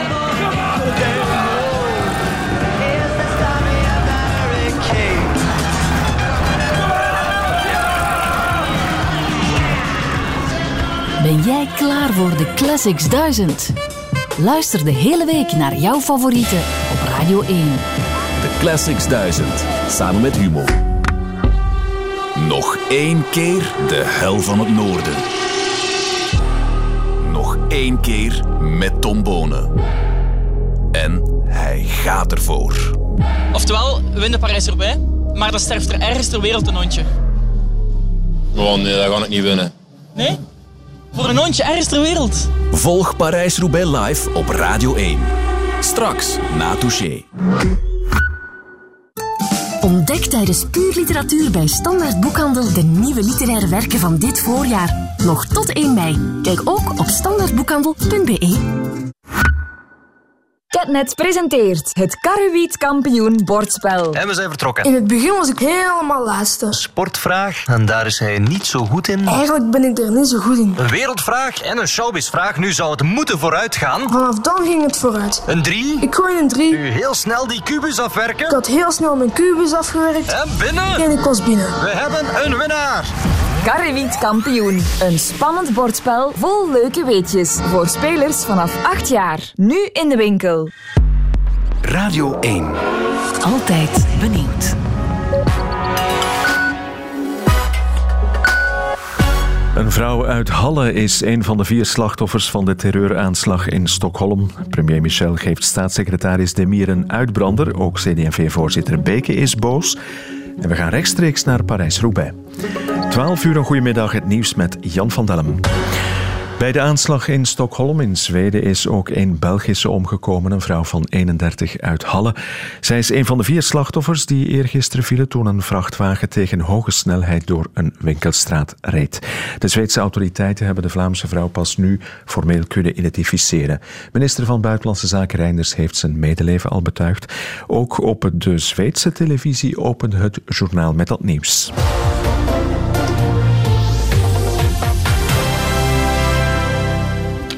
En av de döda ska vara en belgisk medborgare. Det uppger Belgiens utrikesminister på Twitter. Buitenlandse Zaken bij ons maakt geen melding van Belgische gewonden. In Tanta in het noorden van Egypte zijn nu al 21 doden geteld bij een ontploffing in de buurt van een kerk. Tientallen mensen raakten gewond. In die kerk zou net een dienst beginnen ter gelegenheid van Palmzondag. Egypte heeft een belangrijke christelijke minderheid. In december was er nog een zware aanslag tegen de grootste kathedraal van Cairo. Toen vielen er 25 doden. Eind deze maand bezoekt ook paus Franciscus Egypte. Premier Michel roept staatssecretaris Soual Demir van NVA tot de orde. In een interview met de krant De Zondag had zij fors uitgehaald naar coalitiepartner CD&V. Volgens Demir zou die partij jacht maken op de stem van de moslimgemeenschap. Nina Verhagen, wat heeft Soual Demir precies gezegd? Wel, ze krijgt in het interview de vraag wat ze ervan denkt dat sommigen een aparte migrantenpartij willen oprichten. En daarop zegt ze dat zou slecht zijn voor de integratie. En bovendien, CD&V is al de moslimpartij bij uitstek. Ze zegt ook dat CD&V-voorzitter Wouter Beke de moslims ziet als kies-V en dat hij daarom verkozenen van zijn partij, die dwepen met het regime in Turkije, niet terechtwijst. Ze wil Vlaanderen dan ook waarschuwen, CD&V is de nieuwe moslimpartij, zegt ze. Ja, zowel Demir hebben we niet kunnen bereiken. Heeft de CD&V al gereageerd? Ja, zo pas. En dit zijn de woorden van voorzitter Wouter Beke. Dus niet alleen weinig respectvol en uh, onfatsoenlijk de grenzen voorbij. Maar dat is natuurlijk ook uh, onaanvaardbaar, zeker van een uh, staatssecretaris die uh, beleid hoort uit te voeren, die een coalitie meerderheid vormgeeft. Uh, en die uh, dit soort uithalen absoluut uh, niet moet doen. En de premier heeft daar, daar ook al duidelijk voor op de vingers getikt. Wouter Beke eist nu ook publieke excuses van Zohal Demir. En hij zegt ook dat hier een strategie achter zit. Dat is een lijn van, van een staatssecretaris, maar misschien de uitbreiding van een partij die in toenemende mate de polarisatie opzoekt. In plaats van diegenen die goed willen samenleven in Vlaanderen, daarbij verbindend te willen zijn. Ja, we hoorden het Wouter Beken al zeggen. Ook premier Michel is niet gelukkig met de uitspraken van zijn staatssecretaris. Hè? Nee, premier Michel heeft al gebeld met Demir. Hij zegt dat de woorden van de staatssecretaris deloyaal en onaanvaardbaar zijn binnen de coalitie. Het is trouwens niet de eerste keer dat premier Michel een staatssecretaris van NVA terugfluit. Enkele weken geleden deed hij dat ook met Theo Franke in het debat over migratie. Toen riep hij zijn staatssecretaris op tot meer nuance in de communicatie. Dankjewel, Nina Verhagen. Bij de brand op een militair domein in Kalmthout vannacht is 10 hectare bos en heide in vlammen opgegaan. In totaal kwamen zes brandweerkorpsen mee blussen. En het duurde uiteindelijk nog enkele uren voor de brand helemaal onder controle was. Het Antwerpse parket gaat intussen uit van kwaad opzet, omdat er drie verschillende brandhaarden zijn gevonden. Sylvie van Baden. Momenteel zijn er nog geen verdachten in beeld. Uiteraard zal er verder uh, onderzoek gedaan worden naar wie er verantwoordelijk kan zijn voor deze brand. Er zijn geen gekwetsten, maar de politie gaat vandaag ter plaatse met het labo om verdere vaststellingen te doen. Door het mooie weer is het bijzonder druk op weg naar zee. Op de E40 waren er in de loop van de ochtend al vier ongevallen. Momenteel zijn bij Erpenmeren en Drongen nog enkele rijstroken dicht. Verkeer van Brussel naar Oostende moet rekening houden met vertragingen van meer dan anderhalf uur. En op de E34 naar Knokke staan er files door werkzaamheden, onder meer bij Vrasene en Zelzaten. Sport een uur geleden is in Compiègne de 115e editie van Parijs-Roubaix begonnen. De afscheidskoers van Tom Bonen. Christophe van der Goor, hoe is dat eerste uur verlopen? Bij Jan van bij de start wordt er heel veel aangevallen uiteraard. Maar met de wind die blaast in het voordeel ligt dat tempo bijzonder hoog. En is het echt moeilijk voor vluchters om weg te blijven en weg te geraken. De gemiddelde snelheid ligt uh, ongeveer rond de 50 km per uur. Zo net was er een poging met onder meer de Belgen Teuns en Van Bilzen. Maar zij werden snel weer gegrepen. En zoals gezegd zijn de koersomstandigheden ook nog eens heel perfect. Het is wellicht wachten op de eerste van in totaal 29 kasseistroken na ongeveer 100 kilometer. Dat is nog even. Maar samengevat, uh, Jan, de snelheid ligt zo hoog dat het tot nu toe eigenlijk onmogelijk is om uit dat peloton te ontsnappen. En Tom Bonen, ja, die zijn pensioen inderdaad al kan ruiken, houdt zich voorlopig heel rustig achteraan in dat grote pak. Dankjewel Christophe van de Goor. En traditioneel staan er duizenden Vlamingen te supporteren langs het parcours. Het is de laatste koers van Tom Bonen, we hebben het al uit ten treuren gezegd. En daardoor staan er waarschijnlijk nog meer supporters, Peter de Kroebelen. Ja, het is allemaal Vlaams wat je hier hoort. Al heb ik ook wel wat Engelse, wat Italianen gesproken. Maar voor de rest heel veel Vlamingen met mooi weer hier in het bos de Kasseien. Ja, blinkend in de zon. Het stof ligt klaar om op te waaien. En naast de stenen, achter de nadars, koersfans die vroeg bij waren. Met frigoboxen, met eten daarin. Dat ook wel, ja. Maar vooral veel pintjes zie ik. Het is een Bourgondisch feestje in de Noorden hier. En ja, het is koers, hè, juist. Wie wint straks? Tomboon. Heel zeker. We come to watch Tom Bonen and we hope, hope he wins, yeah. Supporter voor Tommeke, hè? Daarvoor zijn we hier, hè? Ja, werkelijk. Iedereen is hier voor Bonen en voor niemand anders, zo lijkt het. Het is nog even wachten tot de renners doorkomen. Dat is pas over twee en een eh, half uur, zowat. Terwijl hier een eh, groepje achter ons begint te zingen. Eh, maar intussen een Vlaams feestje, hè. je hoort het. Koers, zon, de rokende barbecue en een pint bier. Het is leven als god in Noord-Frankrijk, Jan. En meer moet dat niet zijn. Dankjewel, Peter de Kroebelen. In play-off 1 van het voetbal staat om 6 uur de topper Anderlecht AA Gent op het programma. De laatste wedstrijd van de tweede speeldag. Anderlecht heeft nu al drie punten meer dan Club Brugge, want Club speelde gisteravond 1-1 gelijk tegen Charleroi. Lewis Hamilton heeft in een Mercedes de grote prijs van China Formule 1 gewonnen. Sebastian Vettel werd in een Ferrari tweede. Max Verstappen derde. Hij moest van op de zestiende plaats vertrekken en reed dus een knappe inhaalrace. Ons landgenoot Stoffel van Doorn haalde het einde niet. Hij moest nog voor halfweg zijn McLaren aan de kant zetten met een brandstofprobleem. Ook zijn ploegmaat Fernando Alonso moest opgeven. Na twee wedstrijden delen Lewis Hamilton en Sebastian Vettel de leiding in de WK-stand. Vanmiddag mooi en zonnig, maximaal tot lokaal 23 graden. Morgen zwaar bewolkt met soms wat gedruppel. Het wordt dan ook een pak frisser en de rest van de week een paar buien nog, maar wel vaak droog met wolken en opklaringen. En dit waren de hoofdpunten. Bij de aanslag in Stockholm is ook één Vlaamse vrouw omgekomen. Premier Michel is boos op staatssecretaris Soual Demir en Wouter Beke van CD&V eist excuses. En Tom Bonen doet een gooi naar een vijfde overwinning in Parijs-Roubaix. Dat was het nieuws. Het is ondertussen meer dan anderhalf uur file rijden op de E40 van Brussel naar de kust. Tussen Ternat en Aalst in Aflichem is de linkerrijstrook dicht door een ongeval. In Erpenmeren is de weg vrijgemaakt. Tussen Merelbeke en Drongen daar is de weg deeltelijk versperd door een ongeval. Hierdoor is het ook vertragen op de E17 vanuit Antwerpen tussen Gent Centrum en het knooppunt met de E40 in Zwijnaarden. Ook file rijden op de E34 van Antwerpen naar Knokke tussen Melzelen en Kemzeke en in Zelzaten 40 minuten extra daar. Op de E40 Jabbeke-Duinkerke aan de afrit Adinkerke in beide richtingen. Op de E403 naar Brugge tussen Roeselare, Rumbeke en Izegem. En het is ook erg druk op de N371 tussen Brugge en Blankenberg. Radio 1. Friedel Lesage. Touché. Touché vandaag met de gedreven ondernemer en sportliefhebber Wouter van den Houten. Vorige week zag hij Philippe Gilbert zijn Ronde van Vlaanderen winnen. Vandaag kijkt hij naar Parijs-Roubaix gewoon op televisie.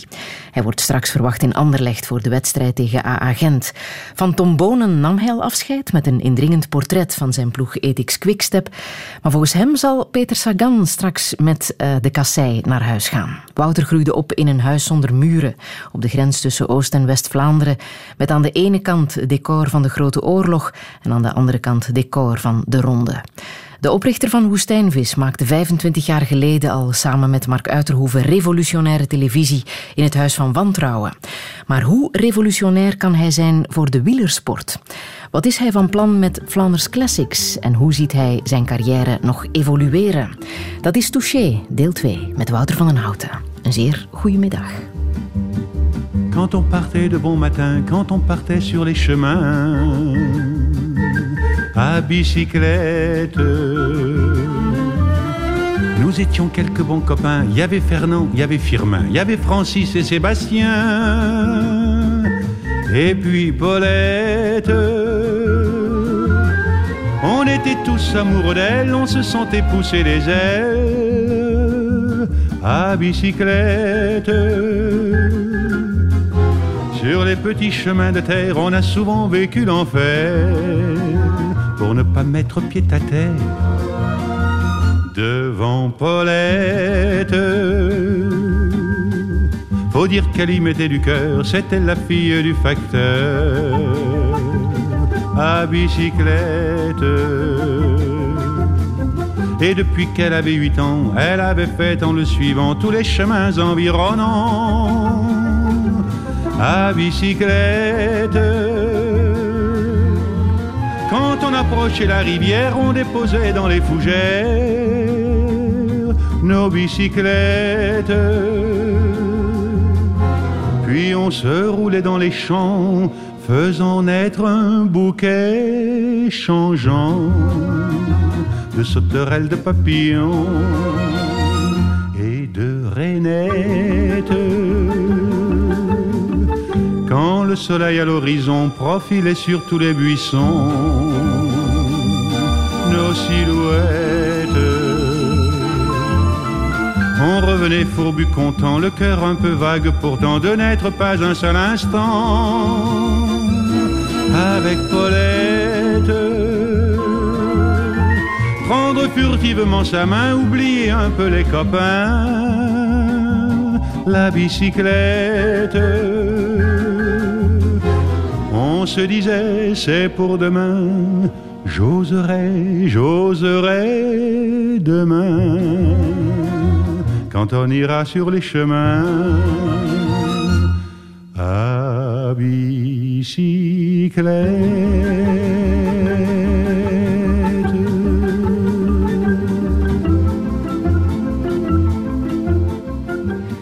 Vijf jongens die allemaal verliefd zijn op hetzelfde meisje, Paulette, en die op de fiets concurreren om haar hart voor zich eh, te winnen. Dat mooie nummer van eh, Yves Montand, La Bicyclette.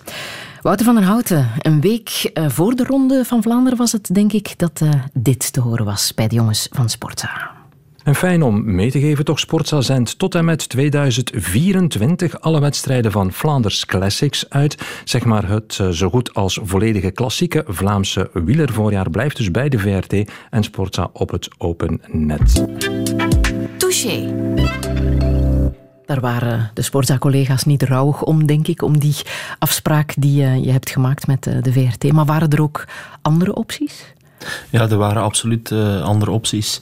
Maar uh, ik vond het belangrijk, we, hebben de afgelopen jaren uh, enorm in onze wedstrijden zelf geïnvesteerd. Die proberen mooier te maken, die proberen beter te maken. En ik denk dat we nu echt in de, volgende, in de volgende stap willen ook aan de productie werken.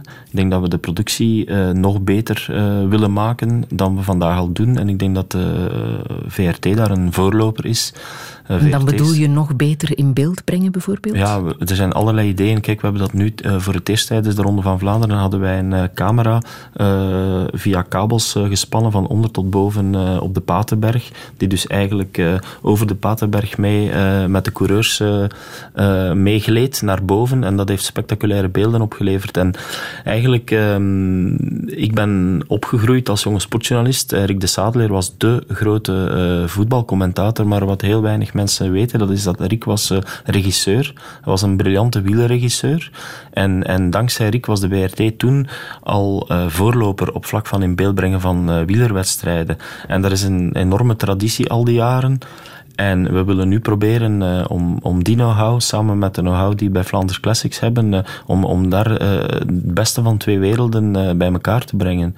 En dat was uh, duidelijke interesse bij de VRT om in dat verhaal te stappen, een lange termijn verhaal. En wij hadden daar ook zin in. En er is vooral ook heel veel vertrouwen uh, uh, van de mensen op het terrein. mensen bij ons en, en, en mensen van Sportza, die werken heel goed met elkaar samen, denken ook mee na, brainstormen over wat, wat, kunnen we nog extra doen. We hadden nu bijvoorbeeld weer die cameraatjes in de wagen. We hebben ook, wij waren de eerste die de vrouwenkoers live in de mannenkoers hebben gebracht. En er zijn nog een heleboel ideeën. En als we dat met Flanders Classics uh, alleen moeten uh, ontwikkelen, uh, daar zijn wij te klein voor. Dat lukt ons niet. En maar als ik vraag, waren er andere opties? Um, waren er dan ook andere opties bij andere zenders?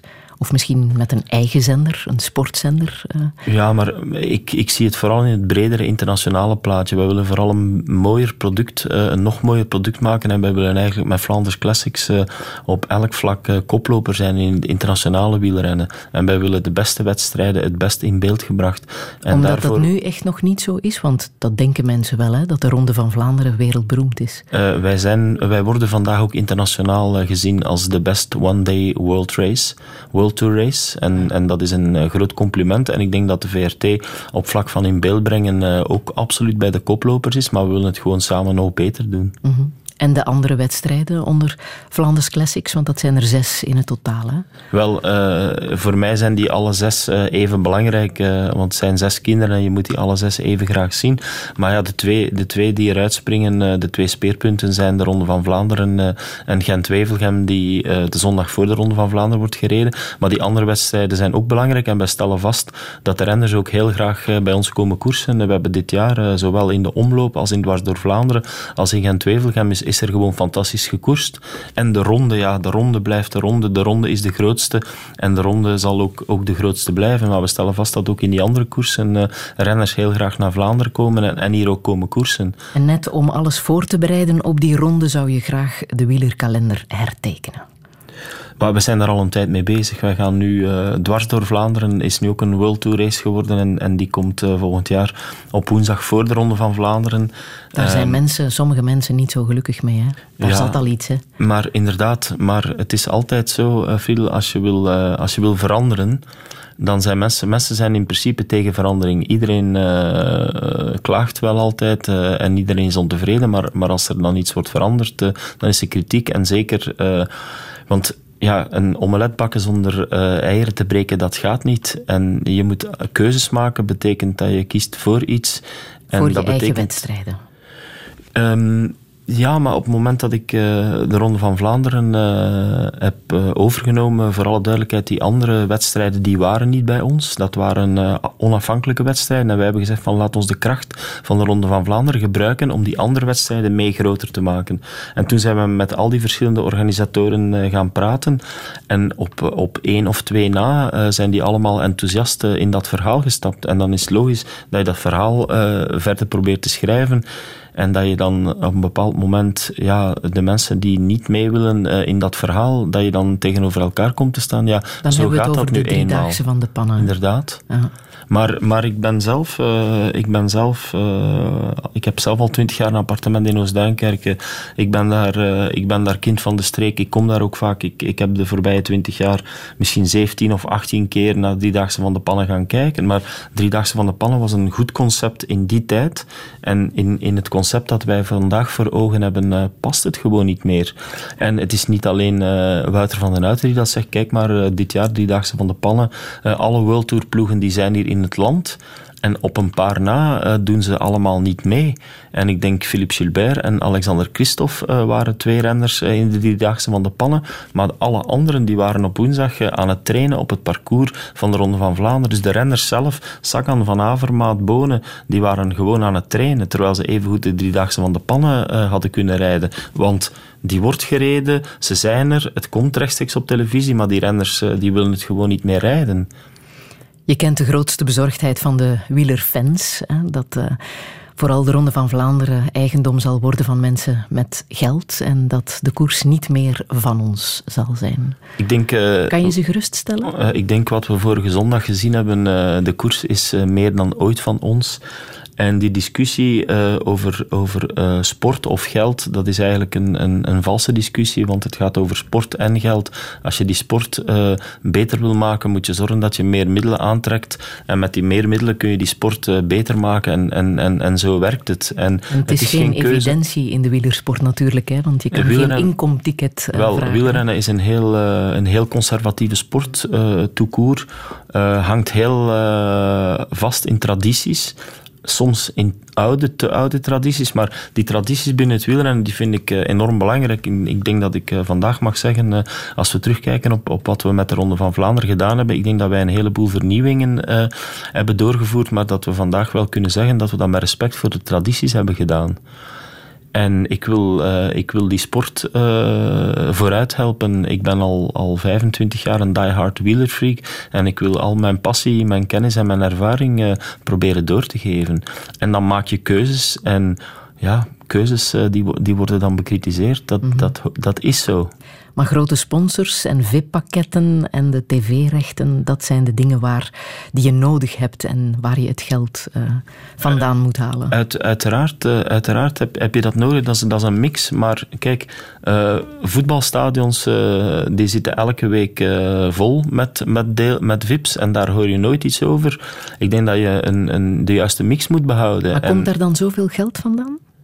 Uh, dat is vandaag uh, een, een, belangrijke inkomstenbron geworden en dat wordt al maar belangrijker. En vooral op het moment dat wij die Ronde van Vlaanderen uh, overnamen, was er allerlei VIP rond die Ronde van Vlaanderen, maar alleen was het niet de organisatie zelf die het deed. Er waren allerlei parasieten die zich rond die, die ronde uh, hadden gevestigd en die hun eigen winkeltje uh, uitbaten, maar die eigenlijk alleen maar uh, de lusten hadden van de Ronde van Vlaanderen en niet de lasten. Want ja, die ronde organiseren, dat, is een, dat, is een, dat is een gigantisch werk. als, als ik zeg dat er vorige zondag 2500 vrijwilligers meewerkten Um, dat is enorm en, en het kost uh, enorm veel geld, het kost enorm veel energie.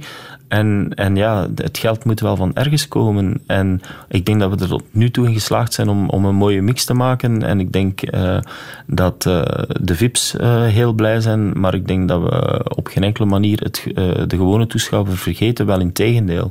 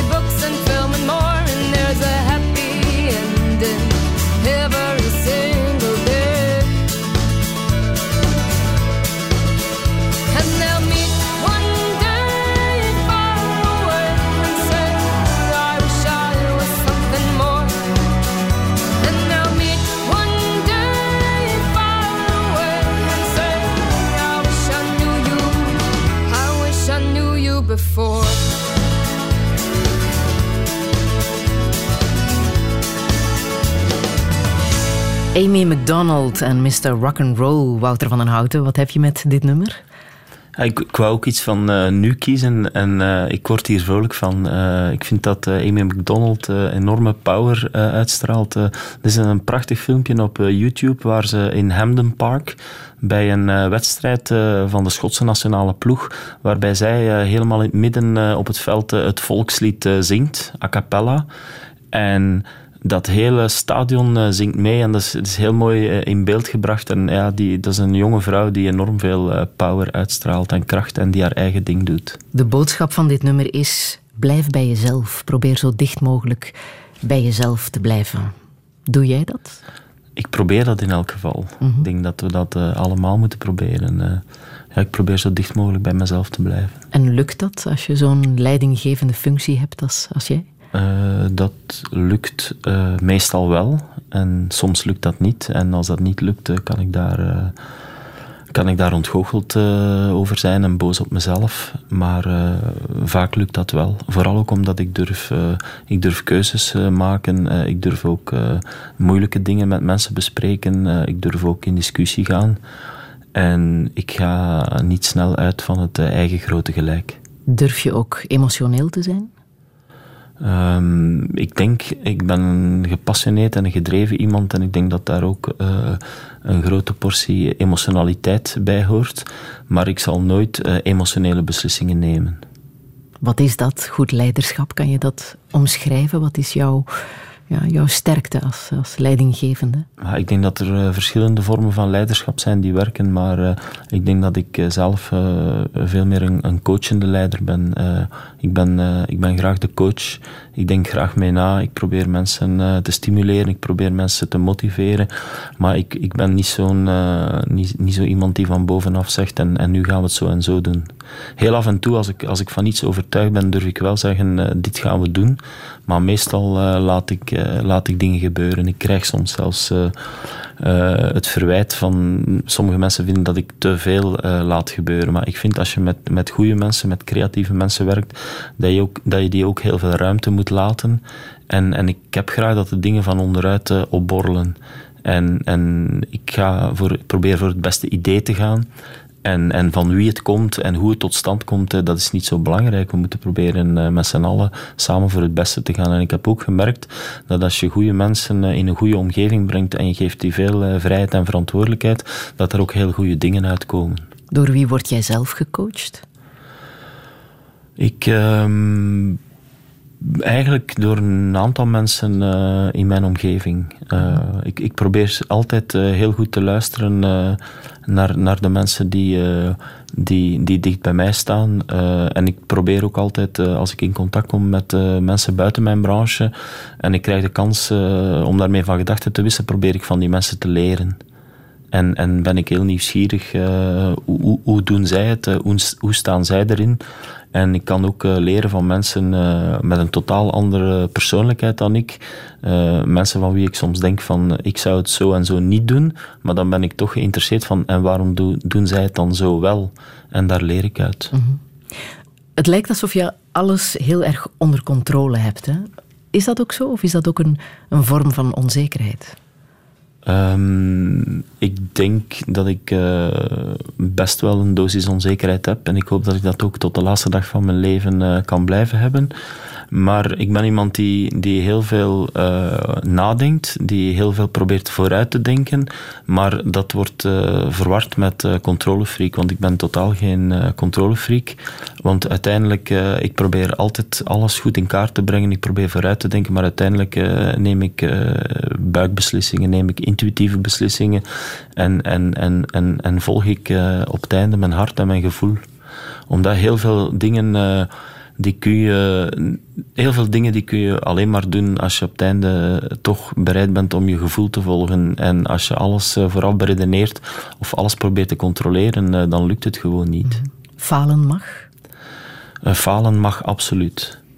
Want uh, als je nieuwe. Kijk, uh, alles wat ik uh, met die koersen gedaan heb en aan het doen ben, dat is eigenlijk gewoon pionieren. Want het is daarvoor nog niet gebeurd. En om maar iets te zeggen, het parcours van de Ronde van Vlaanderen uh, veranderen, ja, dan moet je durven. Want uiteindelijk weet je nooit op voorhand van, ja, maar gaat het, je weet het, uh, zoals uh, in het Engels, ja, the proof of the pudding is in the eating. Dus je moet het eerst doen en dan zien of het werkt.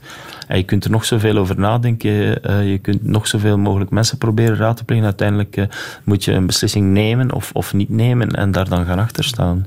Is er ooit een moment geweest waarbij je dacht: dit heb ik echt helemaal verkeerd aangepakt? Hier heb ik echt gefaald? Maar we hadden het daar straks uh, in het eerste gedeelte al over loft. Ja. Uh, over de loft. Ja, uh, dat is duidelijk. daar, daar, heb ik, daar heb ik totaal gefaald.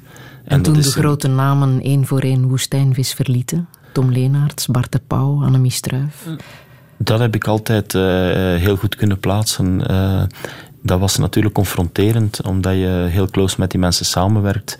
En je bent voor een stuk, uh, ik zeg vaak van, uh, wij zijn een familiebedrijf, in de zin van wij zijn familie van elkaar. En als je dan uh, met elkaar al, die, al die successen hebt gedeeld en al die energie hebt gedeeld, maar een bedrijf evolueert en, en ik denk dat het ook logisch is dat, dat er op bepaalde momenten mensen keuzes maken. Ik denk dat wij een enorme trouw hebben binnen het bedrijf. Mensen werken vaak heel lang bij ons. Mensen drukken ook hun stempel en, en als die dan op een bepaald moment het bedrijf verlaten, dan is dat ook altijd voorpagina nieuws. En dan, dan lijkt het alsof er, alsof er ruzie is, alsof we in elkaar aan het storten zijn. Maar dat gaat nu eenmaal zo in een creatieve omgeving. Eh, ik, uh, ik, ik ben soms jaloers uh, op, op, op voetbalploegen, want die verversen ongeveer elk jaar hun ploeg. En, en dat vindt iedereen normaal. Uh, dat hoort zo. Uh, spelers komen, spelers gaan. En, en de goede clubs die blijven bestaan. Uh, Anderlecht heeft vandaag een elftal dat er staat en, en, en veel kans maakt om kampioen te spelen. En ik denk dat daar op de schacht na, die trouwens op de bank zit, dat daar niemand nog speelt die daar vijf jaar geleden speelde. Maar de mensen die bij Woestijnvis werkten en zijn weggegaan, waren dat vrienden of collega's? Uh, sommigen waren collega's en, en sommigen waren vrienden, maar, um, maar ik denk als je zo close met elkaar samenwerkt, ik ik denk dat hetzelfde is, hetzelfde sfeer als, als, als in een voetbalploeg of, of als in een wielerploeg. Je merkt dat ook nu, ik, ik, ik heb nu Quickstep uh, de voorbije maanden van vrij dichtbij meegemaakt. Uh, daar is enorm veel vriendschap, kameraadschap tussen die mensen, maar vriendschap en kameraadschap in uw job dat is nog iets anders dan vrienden. Ik denk, als je zo intens met elkaar samenwerkt, dan moet je elkaar ook uh, graag kunnen zien. Dan moet je graag met elkaar samenwerken. En dan, en dan komt daar kameraadschap bij kijken. Maar ja, echte vrienden, ik denk dat... Uh, ik ben denk ik zoals de meeste mensen, uh, je hebt een paar goede vrienden en, en ja, vaak zitten die niet in je werkomgeving. En dat is bij mij niet anders uh, als bij vele andere mensen. Ben jij een goede vriend? Uh, dat zou je aan mijn vrienden moeten vragen. Weet je dat niet van jezelf? Uh, ik ben een, een luie vriend. Ja? Ik zal, ja, in de zin van, eh, voor mij, ik, echte vrienden, eh, ik, ik hoef niet uh, in hun leven te zitten en, en zij moeten niet in mijn leven zitten. Uh, maar ik vind wel, als we elkaar zien, dat het dan onvoorwaardelijk is en dat je dan alles met elkaar kunt bespreken en dat je dan echt van elkaar kunt genieten. Maar Um, dat hoeft niet uh, elke dag geconsumeerd. Ik heb hetzelfde. Uh, ik, heb, uh, ik ben Peter, van de jongste dochter van Erik, mijn vernoot, Malin. En ja, toen, dus, toen Malin zou geboren werden, vroeg Erik mij of ik, of ik Peter zou willen worden. En ik beschouwde dat natuurlijk als een, als een compliment en een erkenning. Maar ik heb ook gezegd van Erik, ja, je beseft wel dat ik een luie Peter zal zijn. En hij zei, ja, ja zegt hij, ik ken u, maar ik, ik wil het u toch vragen. En ja, maar eigenlijk of ik een goede Peter ben, dat zou je aan Mali moeten vragen. Hm. Hoe belangrijk is geld voor jou? Um, geld is belangrijk als middel, maar niet als doel. Hm. Omdat met geld als middel uh, kun, je, kun, je, kun je veel dingen doen. Ik ben erin geslaagd uh, om met Flanders Classics uh, heel wat meer middelen naar onze wedstrijden te krijgen. En daarmee kunnen we die wedstrijden ook beter maken. Dus geld als middel vind ik belangrijk, als doel vind ik geld niet belangrijk. Weet je waar je staat op de lijst van rijkste Belgen? Uh, ik heb er geen flauw idee van, maar zeker, uh, zeker niet bovenaan. Verre van. 515. Kijk. Ja, dat valt nogal mee. Ja, wel. Ik, maar begrijp ik, je dat, dat geen... mensen dat um, onlosmakelijk met jou verbinden? Wouter, dat is geld. Wow, ik, denk, ik denk dat het uh, ik denk dat dat een perceptie is die bij een heel klein deel leeft. Maar, maar de meeste mensen uh, kijken daar wel door. En ik denk dat dat stukje perceptie bij een deel, dat dat echt, dat, is, dat is denk ik veel, veel beperkter. maar ja, dat wordt altijd uitvergroot. Maar ik, ik Ik heb, daar, uh, ik, heb, ik heb ook nooit moeite gedaan om, om mij daartegen te verdedigen, omdat je kunt je daar toch niet tegen verdedigen. Uh, en de mensen uh, die het moeten weten, die zullen het wel weten.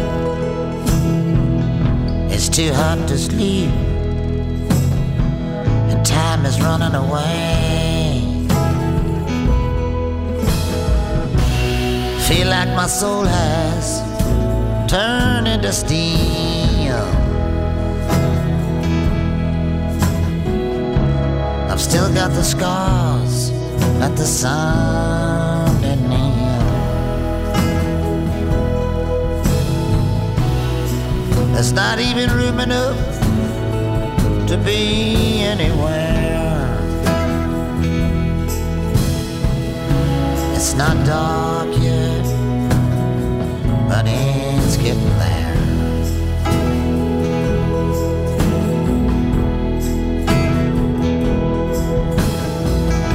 And my sense of humanity has gone down the drain.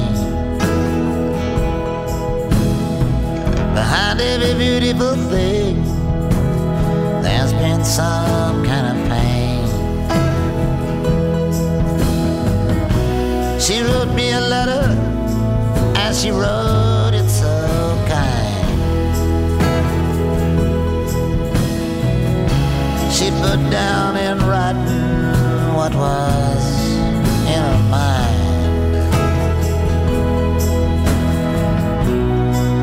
just don't see why I should even care.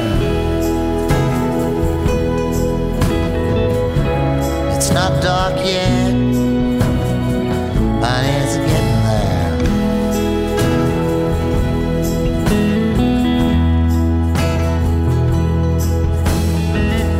And I've been to London,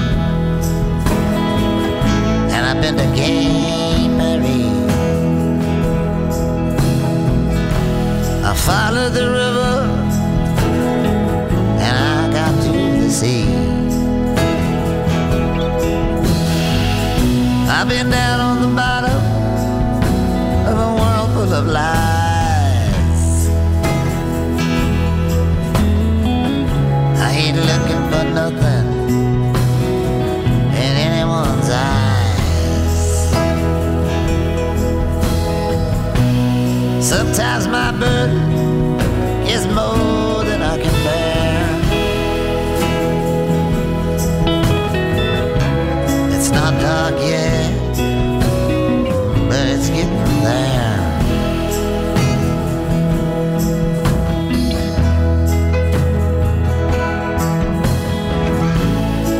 ons ingefluisterd door Katrien van Eijlen, jouw vrouw en uh, sportzaakcollega, dat we zeker iets van Bob Dylan moesten laten horen. En dat doen we dan ook Not Dark Yet. Een van de songs die uh, ook verstript is in het uh, stripboek Bob Dylan Revisited. Dat is een boek dat bij jou in de kast staat, hè, Wouter van den Houten? inderdaad. En ik herinner mij als student een optreden van Bob Dylan in Schaarbeek in het Josafatpark. Jij was daarbij? En ik was daar. Echt? En dat was echt, ja, het was toch ja, ik zal het mij de rest van mijn leven blijven herinneren. Ik, ik geloof, het moet in 83 of zo geweest zijn. Bob Dylan in het Josafatpark. Ja, daar worden nu nog legendarische verhalen over verteld. Voilà. Het is nog altijd meer dan twee uur file rijden op de E40 van Brussel naar de kust tussen Ternat en Aflichem. De weg is er wel weer vrijgemaakt. Ook in de E40, ook uh, liever in Erpenmeren, is de weg vrijgemaakt. Tussen Wetteren en Drongen, daar is de weg gedeeltelijk versperd door een ongeval. Hierdoor is het ook vertraging op de E17 vanuit Antwerpen tussen Gent Centrum en het knooppunt met de E40 in Zwijnaarden. Ook file rijden op de E34 van Antwerpen naar Knokke tussen Melzelen en Kemzeke en in Zelzaten, 40 minuten extra daar. Op de E40 Jabbeke-Duinkerke aan de afrit Adingkerke in beide richtingen. En op de E403 naar Brugge tussen Roeselare, Rumbeke en Izegem. Het is ook erg druk op de N371 tussen Brugge en Blankenberge. Touché. Wouter van den Houten, ja, het nieuws uh, vandaag is natuurlijk Parijs-Roubaix, maar afgelopen week zijn er ergere dingen gebeurd. Uh, je noemde het zelf al even, hè, de gasaanval uh, in Syrië, waarbij kinderen zijn gestorven, en de tegenaanval van Amerika. Als zo'n nieuws binnenkomt, wat denk jij dan? Wat voel jij dan? Ja, ik denk, het raakt mij zoals iedereen. Hè. Als je die beelden ziet, het kan je moeilijk niet raken. Het is gewoon verschrikkelijk wat daar gebeurt. En ja, en blijkbaar om een of andere reden, uh, ik denk uh, dat Midden-Oosten, dat is nu al uh, tientallen jaren een gigantisch kruidvat waar allerlei dingen gebeuren, waar je eigenlijk alleen maar kunt van hopen dat de mensheid daar ooit zal van verlost geraken. Maar ja, als je dat ziet, is, het is intriest en, en onbegrijpelijk. Mm. De vergelding vanuit Amerika, was dat een goede of een slechte zaak? Oh ik, ik vind het uh, moeilijk, ik sta daar te ver vanaf, maar uh, in elk geval, uh, het is wel een beetje de ironie van het lot dat uitgerekend Donald Trump dit doet. uitgerekend Trump, dat dat niemand verwacht. ik vraag mij af, stel dat Obama nog president was geweest, zou Obama die stap hebben durven zetten? Ik, ik denk dat het uiteindelijk een, een, een emotionele beslissing was van Trump. Maar ik denk dat het wel uh, een, een, een goede beslissing is. Ik denk, ik denk dat, het, uh, dat het goed is dat de Amerikanen hebben gezegd van ja, dit kan niet uh, langer verder. En een duidelijk signaal hebben gegeven. En, en nog eens, ik ben geen, ik ben geen militair expert en ik ben ook geen, geen, geen, geen politicoloog. Maar ik heb de indruk dat ze het op, uiteindelijk op een gecontroleerde manier hebben gedaan. En ik heb de indruk dat het signaal is aangekomen je bent misschien geen politicoloog, maar je ontmoet natuurlijk wel heel vaak politici. Hè? Ook in uh, de bezigheden die je nu hebt. Uh, je zei van het weekend uh, in het laatste nieuws dat we in een apenland leven. Moet misschien een beetje genuanceerd worden. Ja, zo, zo heb ik het niet helemaal gezegd. En ik heb gezegd aan het einde van, van, een, van een discours van ja, soms lijken we wel een apenland maar ik moet eerlijk zijn, ik eh, volg nu al 25 jaar de politiek eigenlijk van die periode van het Huis van Wantrouwen. Eh, ook eh, door wie ik ben en door de job die, die ik doe, kom ik geregeld in aanraking met politici. En ik ben eigenlijk op dat vlak optimistisch, want ik vind dat er heel wat politici zijn, politici zijn in ons land die het, die het wel degelijk goed doen, die gedreven zijn, die idealistisch zijn. en die echt proberen om de maatschappij vooruit te helpen. En, maar het is gewoon enorm moeilijk, omdat je zit ten eerste met de globalisering, dus een heleboel dingen uh, die, die, die de politiek hier uh, totaal ontsnappen, waar zij geen enkele zeggingskracht over hebben. En ik denk de dingen waar ze wel kunnen over beslissen, ja, het, is, het is heel moeilijk. Je zit met een, met een complex staatsmodel, je zit met al die verschillende partijen, er moeten compromissen worden gesloten en het is gewoon heel, heel moeilijk om, om, om dingen vooruit te laten gaan. Kunnen politici iets van ondernemers leren en omgekeerd? Ik zeg altijd uh, dat ik blij ben uh, dat ik niet moet verkozen worden. Want ik denk, als ik zou uh, moeten verkozen worden, dan had ik waarschijnlijk nooit het parcours van de Ronde van Vlaanderen veranderd. Dus ik zou zelf totaal ongeschikt zijn om in de politiek te gaan, want ik heb daar veel te weinig geduld voor. Ik wil de zaken sneller vooruit laten gaan. Maar aan de andere kant, uh, ik denk als je de politiek morgen uh, aan de ondernemers zou overlaten, uh, dan ben ik er niet van overtuigd dat wij het beter zouden doen. Wel in tegendeel. Hm. Waarin geloof jij? ik geloof in de kracht van het goede. Ik denk dat het goede het uiteindelijk gaat halen op het kwade. Dat klinkt misschien een beetje vreemd nadat we het net over Assad en Syrië hebben gehad. En, en, toch ben ik ervan overtuigd. Ik ben wat dat betreft een, een vooruitgangsoptimist. Ik vind dat de mensheid uh, er met hele kleine stapjes uh, toch op vooruit gaat. Zelfs ook met wat nu ook weer in Stockholm is uh, gebeurd. Het houdt niet op, hè? Ja, maar ik denk dat terrorisme iets is wat van deze tijd is. En um, ik vrees dat we daar gewoon zullen moeten mee leren leven. En ik denk ook uh, dat de media daar toch uh, op een andere manier zouden moeten mee omgaan. Want elke keer. Ja, ik, ik vrees dat we dat te veel uitvergroten. En de hele wereld snelt naar die plek. Het Twitterberichtje daar... dat bijvoorbeeld het nieuws in Zweden haalt, dat hoeft niet?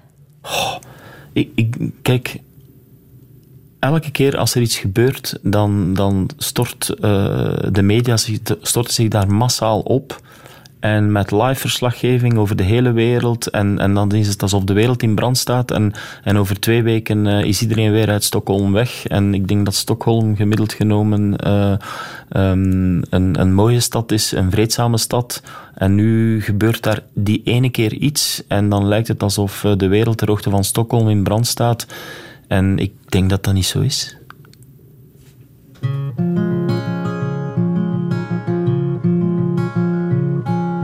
Het was voor de kors dat je hier die dag in Ploegstert werd geboren. Lange voor dat jaar kreeg heb u bien uit al afgescoren, midden over het stuur. Van uw driewieler gebogen, geworden nog kind ving nog niet veel wind. En voordat je het wist, hoor je wereldnieuws. De camera's plakten aan uw veld, likt de nieuwe merks. De ploegen zwaaiden met contracten, die al vaster dan een ander. En een ploegstert zei te paster, kwestie van niets. Maar God is van hoe sprach hij met de fiets. Kom eraan, ik ga er staan. Kom eraan, ik ga er staan. Ik kan niet onthogen, ik ga er staan. Ik kan niet onthogen. En het volk zei, kijk hier komt de man, talent drupt er in dekken druppels van. Wij hem hier gemaakt. Ambitie trekt op overmoed, ze zijn rap te verwarren. Een sputten proportie en een poete vete chique karren. Het was leven heb te groot verzet. Probleem van slechte maten, ze staan altijd klaar. Als hier en chageraars en nog dat tonnes met z'n haan. Door wie of ik of. Uw jenneste verklaringen, misschien zet ik gewoon zo in mekaar was weer wereldnieuws. Ze pakten u om mee, lijkt een bandiet.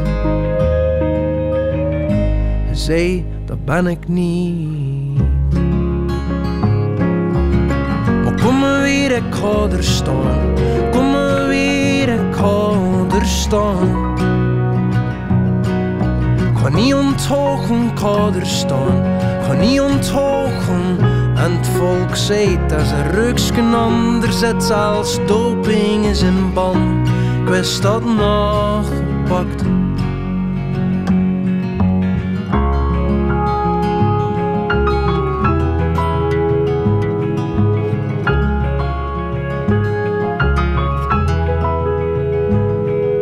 De woorden kwel u nooit meer zien, klinkt nart in de taal het is doen zonder moorden, is zonder advocaat voor tribunaal.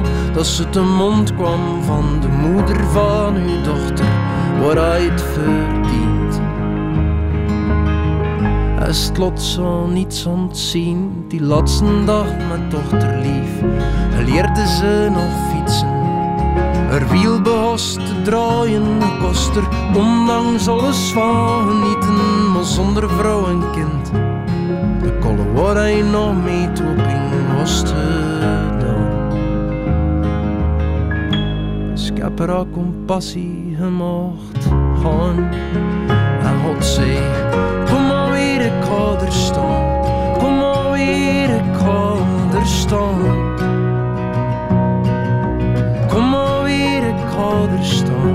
Kom maar weer.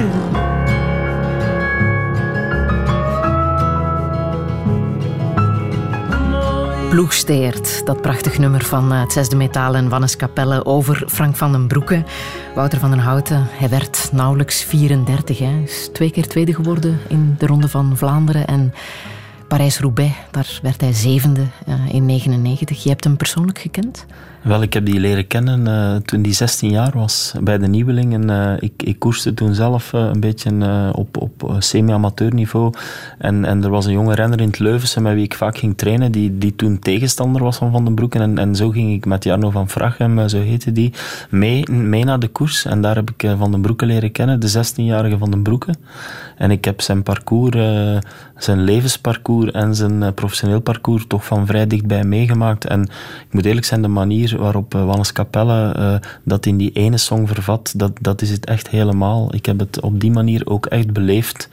En elke keer als ik dit nummer hoor, ik word daar eigenlijk stil van. En ik vind het briljant, de manier waarop Wannes, uh, dat elk woord klopt daar gewoon ah. van. En Van den Broeke, ja, Van den Broeke was, was, was een fenomeen.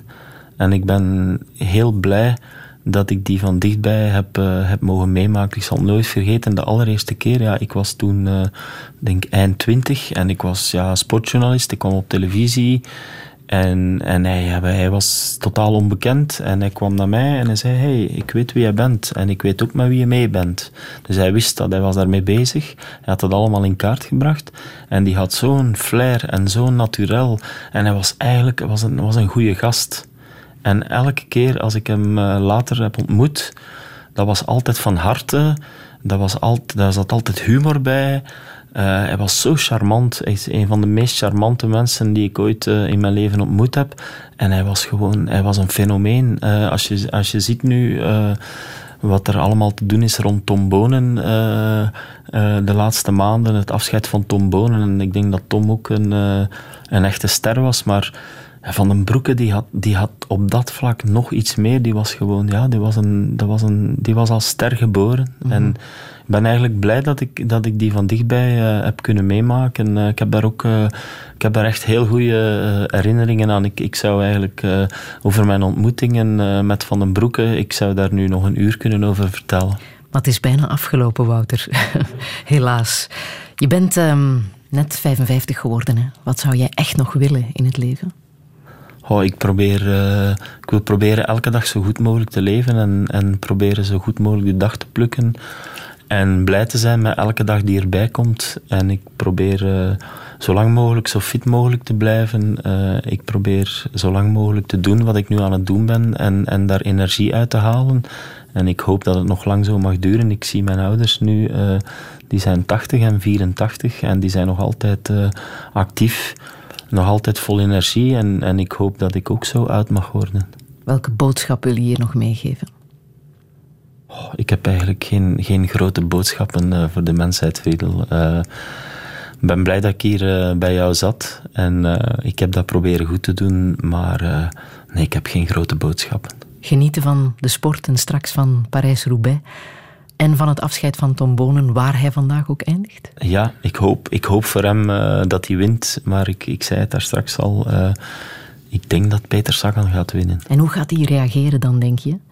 Oh, ik, ik denk dat Tom. Um, ik denk dat voor hem, uiteraard hoopt hij om te winnen, want het zou fantastisch zijn. Maar ik denk dat het sowieso al uh, mooi is geweest voor hem. En hij heeft in elk geval uh, in schoonheid kunnen afscheid nemen. Hij heeft laten zien de voorbije maanden dat hij uh, echt competitief is. Hij rijdt een stuk sterker dan vorig jaar. En wat er ook gebeurt straks, Bonen neemt afscheid van de wielersport als een groot ja, kampioen. Ja. En zijn relativeringsvermogen is bijzonder hoog. Dus. We, gaan, we gaan hem missen. Ja, ja. De Shipsong heb ik nog klaarstaan van Nick Cave en de Bad Seeds.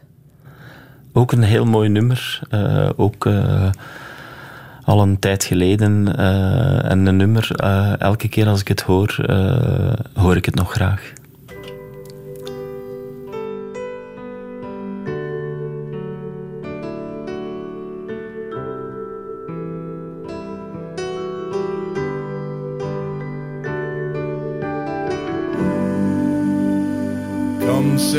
are ships around me and burn your bridges down. We make a little history, baby. Every time you come around. Come loose your dog upon me and let your hair hang down. You are a little mystery to me. Every time you call around, we talk about it all night